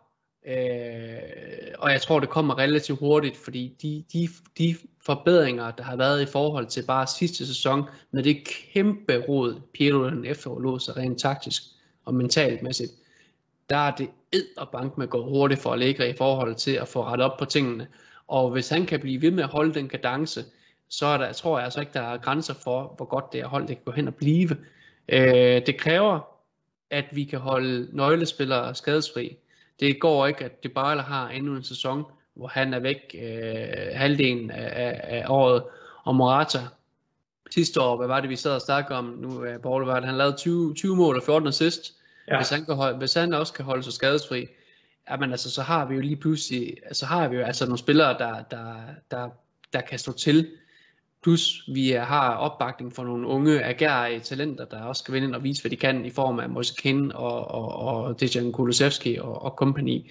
Øhm, jeg er ikke et sekund i tvivl om, at Allegri, selvom jeg godt ved, at mange synes, at han er en kedelig træner, så er han i hvert fald den, der kan få spillerne til at tro på tingene igen og tro på egne evner. Og jeg synes med, at han arbejder hurtigt allerede nu. Vent og se, hvordan tingene står til om et halvt år. Hvis vi begynder at æde nogle sejre nu her, så ser vi, hvilke hold det er, der har rutinen, hvilke hold, der knækker. Inter har Simone Inzaghi, som er en dygtig træner, hans hold er dog faldet lige på falderæbet de seneste år i forhold til hans præstationer med Lazio. Han har bedre hold nu, det vil jeg gerne medgive. Men stadigvæk, han er ikke en, en træner, der har vundet noget endnu. Vi har Luciano Spalletti i, øh, i Napoli, som, som vinder rigtig, rigtig meget lige nu. Dem er jeg lidt mere nervøs for, fordi han er en, en spiller, der kan indgyde noget ro. Men lige så snart tingene begynder at køre galt i Napoli, så ved vi også, hvordan det er med, med Di Laurentiis, præsidenten. Så kommer der ballade, og støj og uro, og det er noget, der påvirker spillertruppen, og så tror jeg på, at det hold det kommer til at få gummibenen. Nogle af dem, jeg faktisk er mere nervøs for, det er Mourinho's, øh, altså AS Roma. Jeg tror ikke, de er titeludfordrere, men den mand, han kan kraftet med et eller andet, selvom han er en skide dinosaur og en, en, en meget problematisk karakter øh, og kontroversiel karakter, så ved han, hvad det vil sige at vinde. Øh, og hvis han får arbejdsro, så kan han godt komme hen og være et, et hold, hen, hen og blive et hold, der, sådan, der, der driller øh, os rigtig meget i år. Øh, men lad os se, hvad der sker. Jeg tror, jeg tror, at vi har, jeg tror, vi har den bedste træner i CA lige nu. Og jeg tror også, at vi har spillermateriale, som rent faktisk kan mere, end folk de lige går og tror. Men øh, vi må se, hvordan det ender. Ja, altså man kan jo sige, at Allegri, han er en verdensklasse træner. Altså han er en træner fra øverste hylde. Og det har vi ikke haft i to år. Det har vi fået nu. Og det gør allerede en forskel. Og vi er kun ved begyndelsen. Vi indledte med, om det her, det betyder, om vi er tilbage på sporet. Jeg siger ja i forhold til de sidste to kampe, jeg har set. Det siger jeg. Så har vi et sidste spørgsmål. Martin Jørgensen, han spørger forhold til Vlaovic-handlen. Det er jo, at øh, præsidenten Komiso, han har jo været ude og nærmest øh, smide sin bedste spiller under bussen. Det er super, super fedt lavet. Det er jo, Komiso er jo den samme, der mente, at Juventus der stjålet Chiesa. Så øh, han, de har jo allerede problemer med at, at snakke om forlængelse nu. Øh, Vlaovic kunne have forlænget og blevet den bedst betalte spiller i Fiorentina. Tror, at den bedste, bedst betalte spiller i Fiorentina tjener omkring 3 eller 3,5 millioner. Det er i hvert fald ikke meget mere. Øhm, han har kastet sine spiller under bussen. Juventus ligger og lurer bag kulissen. Hvad tænker I her? Ja, men vi havde, lige, øh, vi havde lige en kort snak om det, inden vi, vi gik på her, men, men, men altså, Komiso, han er jo bare en cirkusklov. Altså, det, det, der er ikke så meget andet at sige til det, fordi man kan sige, en, en udmelding, som han kommer med gennem klubben på den her måde, ikke? Jamen det, det, det, det der, der smider han jo bare alle sine kort på bordet, ikke? Øh, i stedet for at holde tæt og sige, at vi har ingen kommentar til det, men, men nu har han jo været ude og føre sig frem med, at kontrakten var lige ved at blive forlænget og alt muligt andet, ikke? Som, som klovnen han er, ikke? Øh, så er det klart, at det giver bagslag, når, når man så render ind i, de, i den her, hvor man kan sige, at han, Blavic eller, eller hans agent i hvert fald, har formentlig talt med nogle andre klubber og afsøgt interessen omkring det. Øh, så er det klart, at hvis han øh, fortsætter med at levere på et højt niveau og, og skal videre til en klub, jamen, så står han væsentligt bedre næste sommer, ikke? hvor øh, hvor han så har kontraktudløb til 23, ikke? i stedet for at han har en kontrakt til 26 og så videre, ikke? Så, så Fiorentina lidt mere selv kan bestemme, hvor han skal hen og hvornår han skal væk og, og sådan nogle ting. Ikke? Øhm, så, så, så det kunne tyde på, at, øh, at, at han i hvert fald har snakket med nogle klubber og har sonderet terrænet, fordi ellers så, øh, så kan man sige, at der er ingen steder i verden, det her vil, vil give mening at gå ud og lave en, en, en melding som det her. Øh, PSG er jo et, er jo et godt alternativ eksempel, selvom Mbappé har været ude og sige nu, at, øh, at, at han vil væk i sommer, så ikke, jamen, så kommer de øh, Leonardo ud bagefter og siger, at det har de stort set ingen kommentar til, altså transfervinduet er lukket nu, så derfor skal dialogen om hans fremtid, øh, det foregår internt, og, og skal han væk, ikke? Jamen, så må det vente indtil så vinduet åbner igen. Ikke? Det er jo en helt anden måde at gribe det an på, i stedet for det der med at sende en officiel meddelelse ud op af øh, kontraktforhandlingerne er brudt sammen og bla bla bla bla. Ikke? Der er trods alt to år til, til kontrakten udløber, ikke? Så, så der kan jo nå at ske meget i, i fodboldens verden, men, men Comiso han i hvert fald smidt alle sine, sine kort på bordet, ikke? og står ekstremt dårligt i hvilken som helst situation, man kunne forestille sig omkring det her.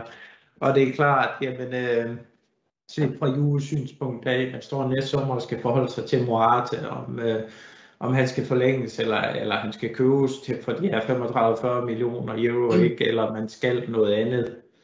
Øh, selvfølgelig står de også og lurer på, hvad, hvad en spiller som Blauvit han skal, og hvordan han performer i år er nok afgørende for, hvor, hvor stor interesse man egentlig kommer til at få i ham. Så, øh, men, men det er klart, når, øh, når Komiso smider de her kort, ikke, jamen, så kommer han ikke til at få i nærheden af 70-90 millioner for, øh, for Blauvit. Det gør han ikke. Der sidder i hvert fald en, en, en uh, Niels Bæk Thomsen, tænker jeg, ude, på, ude i, i forum og, og, og håber og krydser fingrene. Vi havde en snak sammen tidligere, kan jeg huske, hvor, hvor, hvor Niels han, han var jo faktisk hurtigt ud at sige, at uh, ham her, han kommer til at brage igennem og, og virkelig levere, hvor jeg også sådan med, ja, skal vi nok lige se, fordi det er jo rent faktisk i år, altså undskyld sidste år, det var rent faktisk første sæson, hvor han sådan reelt set er begyndt at score mål, for han, han har jo altid været kendt som angriber, han har ikke scoret mål. Ja. det er ikke så heldigt. Men uh, man må jo sige, at Niels, han fik jo så ret, ikke, ret i, at, uh, at ham her, knægten her, han, der er sgu mål i på ham, og det er jo spændende at se, om han kan, om han kan blive ved med at score. Det er jo det, der, det er, jo det, der er spændende. Øh, det man selvfølgelig øh, skal se på, det er, hvad får man, hvad får man for pengene? Altså, han er jo pur ung, altså, hvad er 21, 22, øh, og har, har masser af år i sig. Øh, meget, meget spændende, meget spændende spiller.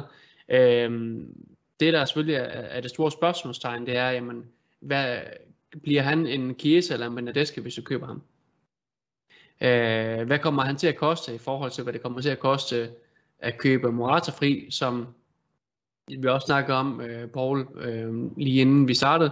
Øh, han er æder med en humørspiller af rang. Mm. Men lad os nu se på sidste år. Hvordan var sidste år for Morata? Han spillede, jeg tror var det to, to måneder i hvert fald, hvor han spillede igennem smerter, og egentlig nok burde bare have ligget ude i lasserettet og var skadet. Og alligevel så scorer han 20 mål og laver 14 assist. Uh, han er en big game player, Morata. Han er en af dem, som i de store kampe går ind og, og virkelig leverer. Han har scoret i en Champions League finale. Det er der ikke mange, der kan, der kan bryste sig af. Uh, og så kan man selvfølgelig sige, ja, han har nogle udfald. Det med, at han er en humørsvinger og bundimod, det er ikke altid kønt. Men det man så tager, trods alt altid får med ham, det er, at man får altid en mandfolkepræstation i forhold til, at han løber sæt mange kilometer og ligger et kæmpe pres over foran. Og selv hvis det ikke lykkes for ham, så tager han stadigvæk løbende. Han tager stadigvæk løbende igen og igen og igen og igen og igen. Og det skaber plads til hans holdkammerater, uanset hvad, every time. Så du har ikke en spiller, der sådan, der, der man ser sådan give op eller lignende. Øhm, vi har en mand i Morata, som man godt kunne ønske havde noget mere kontinuitet, hvor man ved, at han leverer kraften hver gang. Men omvendt, hvis vi skal udløse hans købsklausul for 35 millioner euro, så kan vi bare se, hvad er det, han har leveret indtil videre. Fint, han har leveret 20 mål, 14 assists, og han har alligevel spillet igennem en smertebarriere og været skadet. Det er sgu imponerende nok. Og du ved i ham, der får du en spiller, der kender klubben, ved hvad det skal sige og bærer trøjen, øh, og han kan score i de store kampe. Ikke bare i Serie A, nej nej, i Champions League. Og det er noget af det, vi mangler. Det er en mand, der er udsatsgivende i Champions League. Er Vlaovic det? Det kan godt være. Det kan sagtens være, at han er den nye kæmpe, kæmpe talent, ligesom en Håland eller lignende, men vi ved det reelt set ikke. Så det er et gamble, hvis man vælger at sige, at vi investerer 50 millioner i Vlahovic, 50-60 eller hvad det er, der kommer til at koste, kontra at man siger, men fint, vi smider 35 for Morata, der ved vi, hvad, hvad, vi, hvad vi får, øh, og så kan man investere de resterende penge andet sted. Det er en afvejning, hvor jeg helst ikke vil sidde i, i Kerubinis og Vendes sko, fordi vi har ikke nogen krystalkugle, vi kan, ikke, vi kan ikke spore om, hvad der kommer til at ske. Men han er helt klart en meget spændende spiller. Ingen tvivl om. Ja, man, man kan sige, hvis jeg skal lige indskyde, så kan man jo sige en væsentlig faktor i det, det med er jo også, at uh, Morata han bliver 29 her om uh, 14 dage, ja. uh, og Blauvit han er 21. Så der, der er også der er også perspektiver til forskel, ikke? hvor man siger, jamen, køber du Morata for, øh, for de her 35-40 millioner, ikke? Jamen, så er det en ren afskrivning, fordi du får ingen genstandsværdi for ham.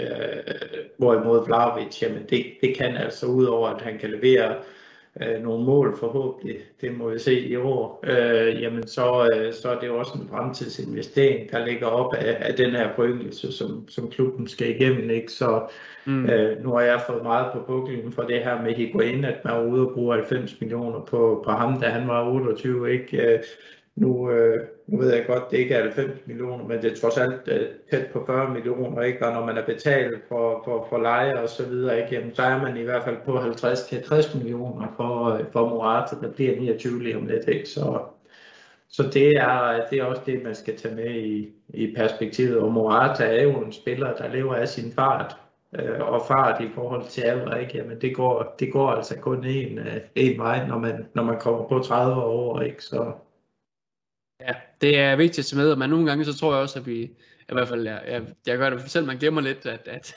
han har den alder, som han egentlig har. Ja. Han er jo han er stadigvæk totalt babyface. ja, ja, men han ligner jo stadigvæk en knæk på 22, ikke? Men, men han er altså 29 lige om lidt, og det, det, det tror jeg altså, det spiller væsentligt ind i, i perspektivet om, man skal bruge men, ham Men, men der er jo ikke nogen, der siger, at det er enten eller, fordi øh, hvis man kigger på detaljerne, Vlaovic kontrakt ender i 23. Mm. Og Morata, ham kunne man nok godt beholde lidt endnu, fordi til, altså til sommer, der kommer Vlaovic til at koste meget mindre jo. Så det kan jo også godt være, at man venter og så siger, at ham tager vi sgu bare gratis, når det er. Så det kunne selvfølgelig også være en strategi, og så siger man, så beholder vi Morata, vi betaler 35, vi har ham i to år, og så ser vi, hvad der sker, og så kan man hente en gratis Vlaovic. Det var også en mulighed. Hvis det, er, man... det, tror jeg, det tror jeg ikke kommer til at ske. Jeg tror, at, øh, at grunden til, at man melder ud nu også fra Fiorentinas side, det er netop for, at, at han skal skydes af, så længe man trods alt kan få nogle, nogle penge for ham. Ikke? Ja, så... selvfølgelig. Men hvis man kører strategien, som man gjorde med Locatelli, hvor man kører mm. på spillerens vilje, og hvis Vlaovic virkelig gerne vil til Juventus, så venter han på Juventus.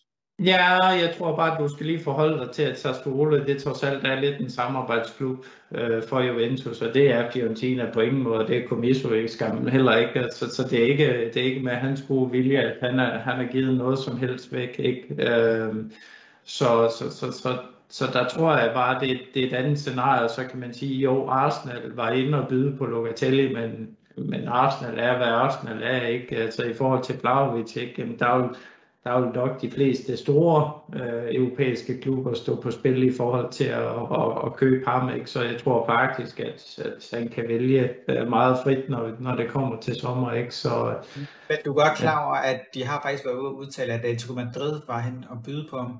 Ja. Og det var Vlaovic, der sagde nej. Ja. Så spilleren ved jo godt, okay, jeg havde muligheden for at tage afsted. Gjorde mm. det ikke. Så jeg tror stadig, man kan køre sådan en form for Chiesa-strategi eventuelt. jo, men det kan man sagtens sige. Uh, jeg vil bare sige, som angrebsspiller, så vil jeg aldrig nogensinde vælge Atletico Madrid uh, som, som hold, fordi de er om nogen det spanske Italien, ikke? Uh, skal man udløse sit potentiale som, som angriber, jamen så skal man til et af de hold, der, der virkelig spiller offensiv fodbold, og det er også der, hvor man kan sige, at hagen måske kommer i forhold til Juventus, jamen ved at vi har fået Allegri ind, det er absolut heller ikke en, spil, en træner, der udvikler de største angrebstalenter. Ikke? Så, så, så der, er, der er jeg stadigvæk lidt i tvivl om, om det var sådan et, et hold, øh, Vlaovic han ville, øh, han vil vælge, når det er, at han skal, han skal videre. Jeg tror, at Vlaovic ryger til Liverpool, øh, hvis jeg skal være ærlig. Øh, vi har en Femino, som ikke bliver yngre, og de er ikke samme type, det ved jeg, men, men de kommer til at skulle øh, købe en ny angriber snart, forestiller jeg mig, og, og øhm, du, altså Firmino, du, du, du kan ikke få en ny Firmino, fordi den, den, den, angrebstype, den angrebstype, som han er, er meget, meget unik og sjælden. Ja, det er sådan en øh, falsk nier, det er ikke? Ja, en falsk, falsk nier er en fysisk type, der løber rigtig mange øh, kilometer, og en, en defensiv angriber, så at sige. Mm. Øhm, jeg kunne godt forestille mig, at, at de skal Klopp, eller, eller i hvert fald, i hvert fald ledelsen derovre, godt kunne finde på at bygge angreb op omkring Vlahovic til, til fremtiden. Men, Men Jimmy, du kan, jo, du kan jo reelt kigge på verdens største hold og sige, at uh, Liverpool mangler en afløser for Firmino. Manchester City fik ikke Kane, de mangler også en ny angriber. Real Madrid, Benzema, ja, jeg ved godt, han har en god sæson den her sæson, men, men han er også ved at være på, uh, på falderæbet. Ikke? Ja, han er og, 33 nu. Ja, præcis. Ja. Ikke? Så, så alle verdens største hold står jo reelt og mangler en ny angriber. Ikke? Så, så det, det, det bliver kæmpe, kæmpe udfordring. Og, Lewandowski er heller ikke helt ny. Nej, og Lewandowski også. Ikke? Så, øh, så, så man kan sige, der er nok der egentlig har grundlaget for at gå ud og, og skal have en ny angriber. Ikke? Så, øh, så, så, så en spiller som Laurits eller en anden pangdang, der, der slår igennem og, og fortsætter sidste sæson måske, jamen det er stort set frit valg på, på alle offensivt spillende øh, klubber også. Så, så, så derfor så vil jeg i hvert fald som angriber tænke mig rigtig godt om, inden jeg, øh, jeg, jeg valgte et hold, som, som, som primært bygger op omkring øh, den defensive soliditet og sekundært i forhold til, til angrebsfodbold. Godt nok. Jeg tænker, det var ordene for i aften, og inden vi lukker og slukker helt, så en kæmpe shout-out til Lasse Nedergaard for at lave den her indsamling til at få de her bedre mikrofoner. Det er dem, vi bruger i dag. Så tusind tak til Lasse og alle jer andre, der har været med til at donere. Det var super fantastisk. Det viser bare, hvor meget vores arbejde bliver sat pris på og, og påskyndet. Det er vi super, super glade for, vil jeg sige. Ja, tusind tak. Så jeg håber, at lyden er blevet bedre, og øh, deltag i debatten. Skriv jeres kommentarer. Vi udgiver podcasten hurtigst muligt. Tak for i aften. Tak for i aften, ja. Tak for det.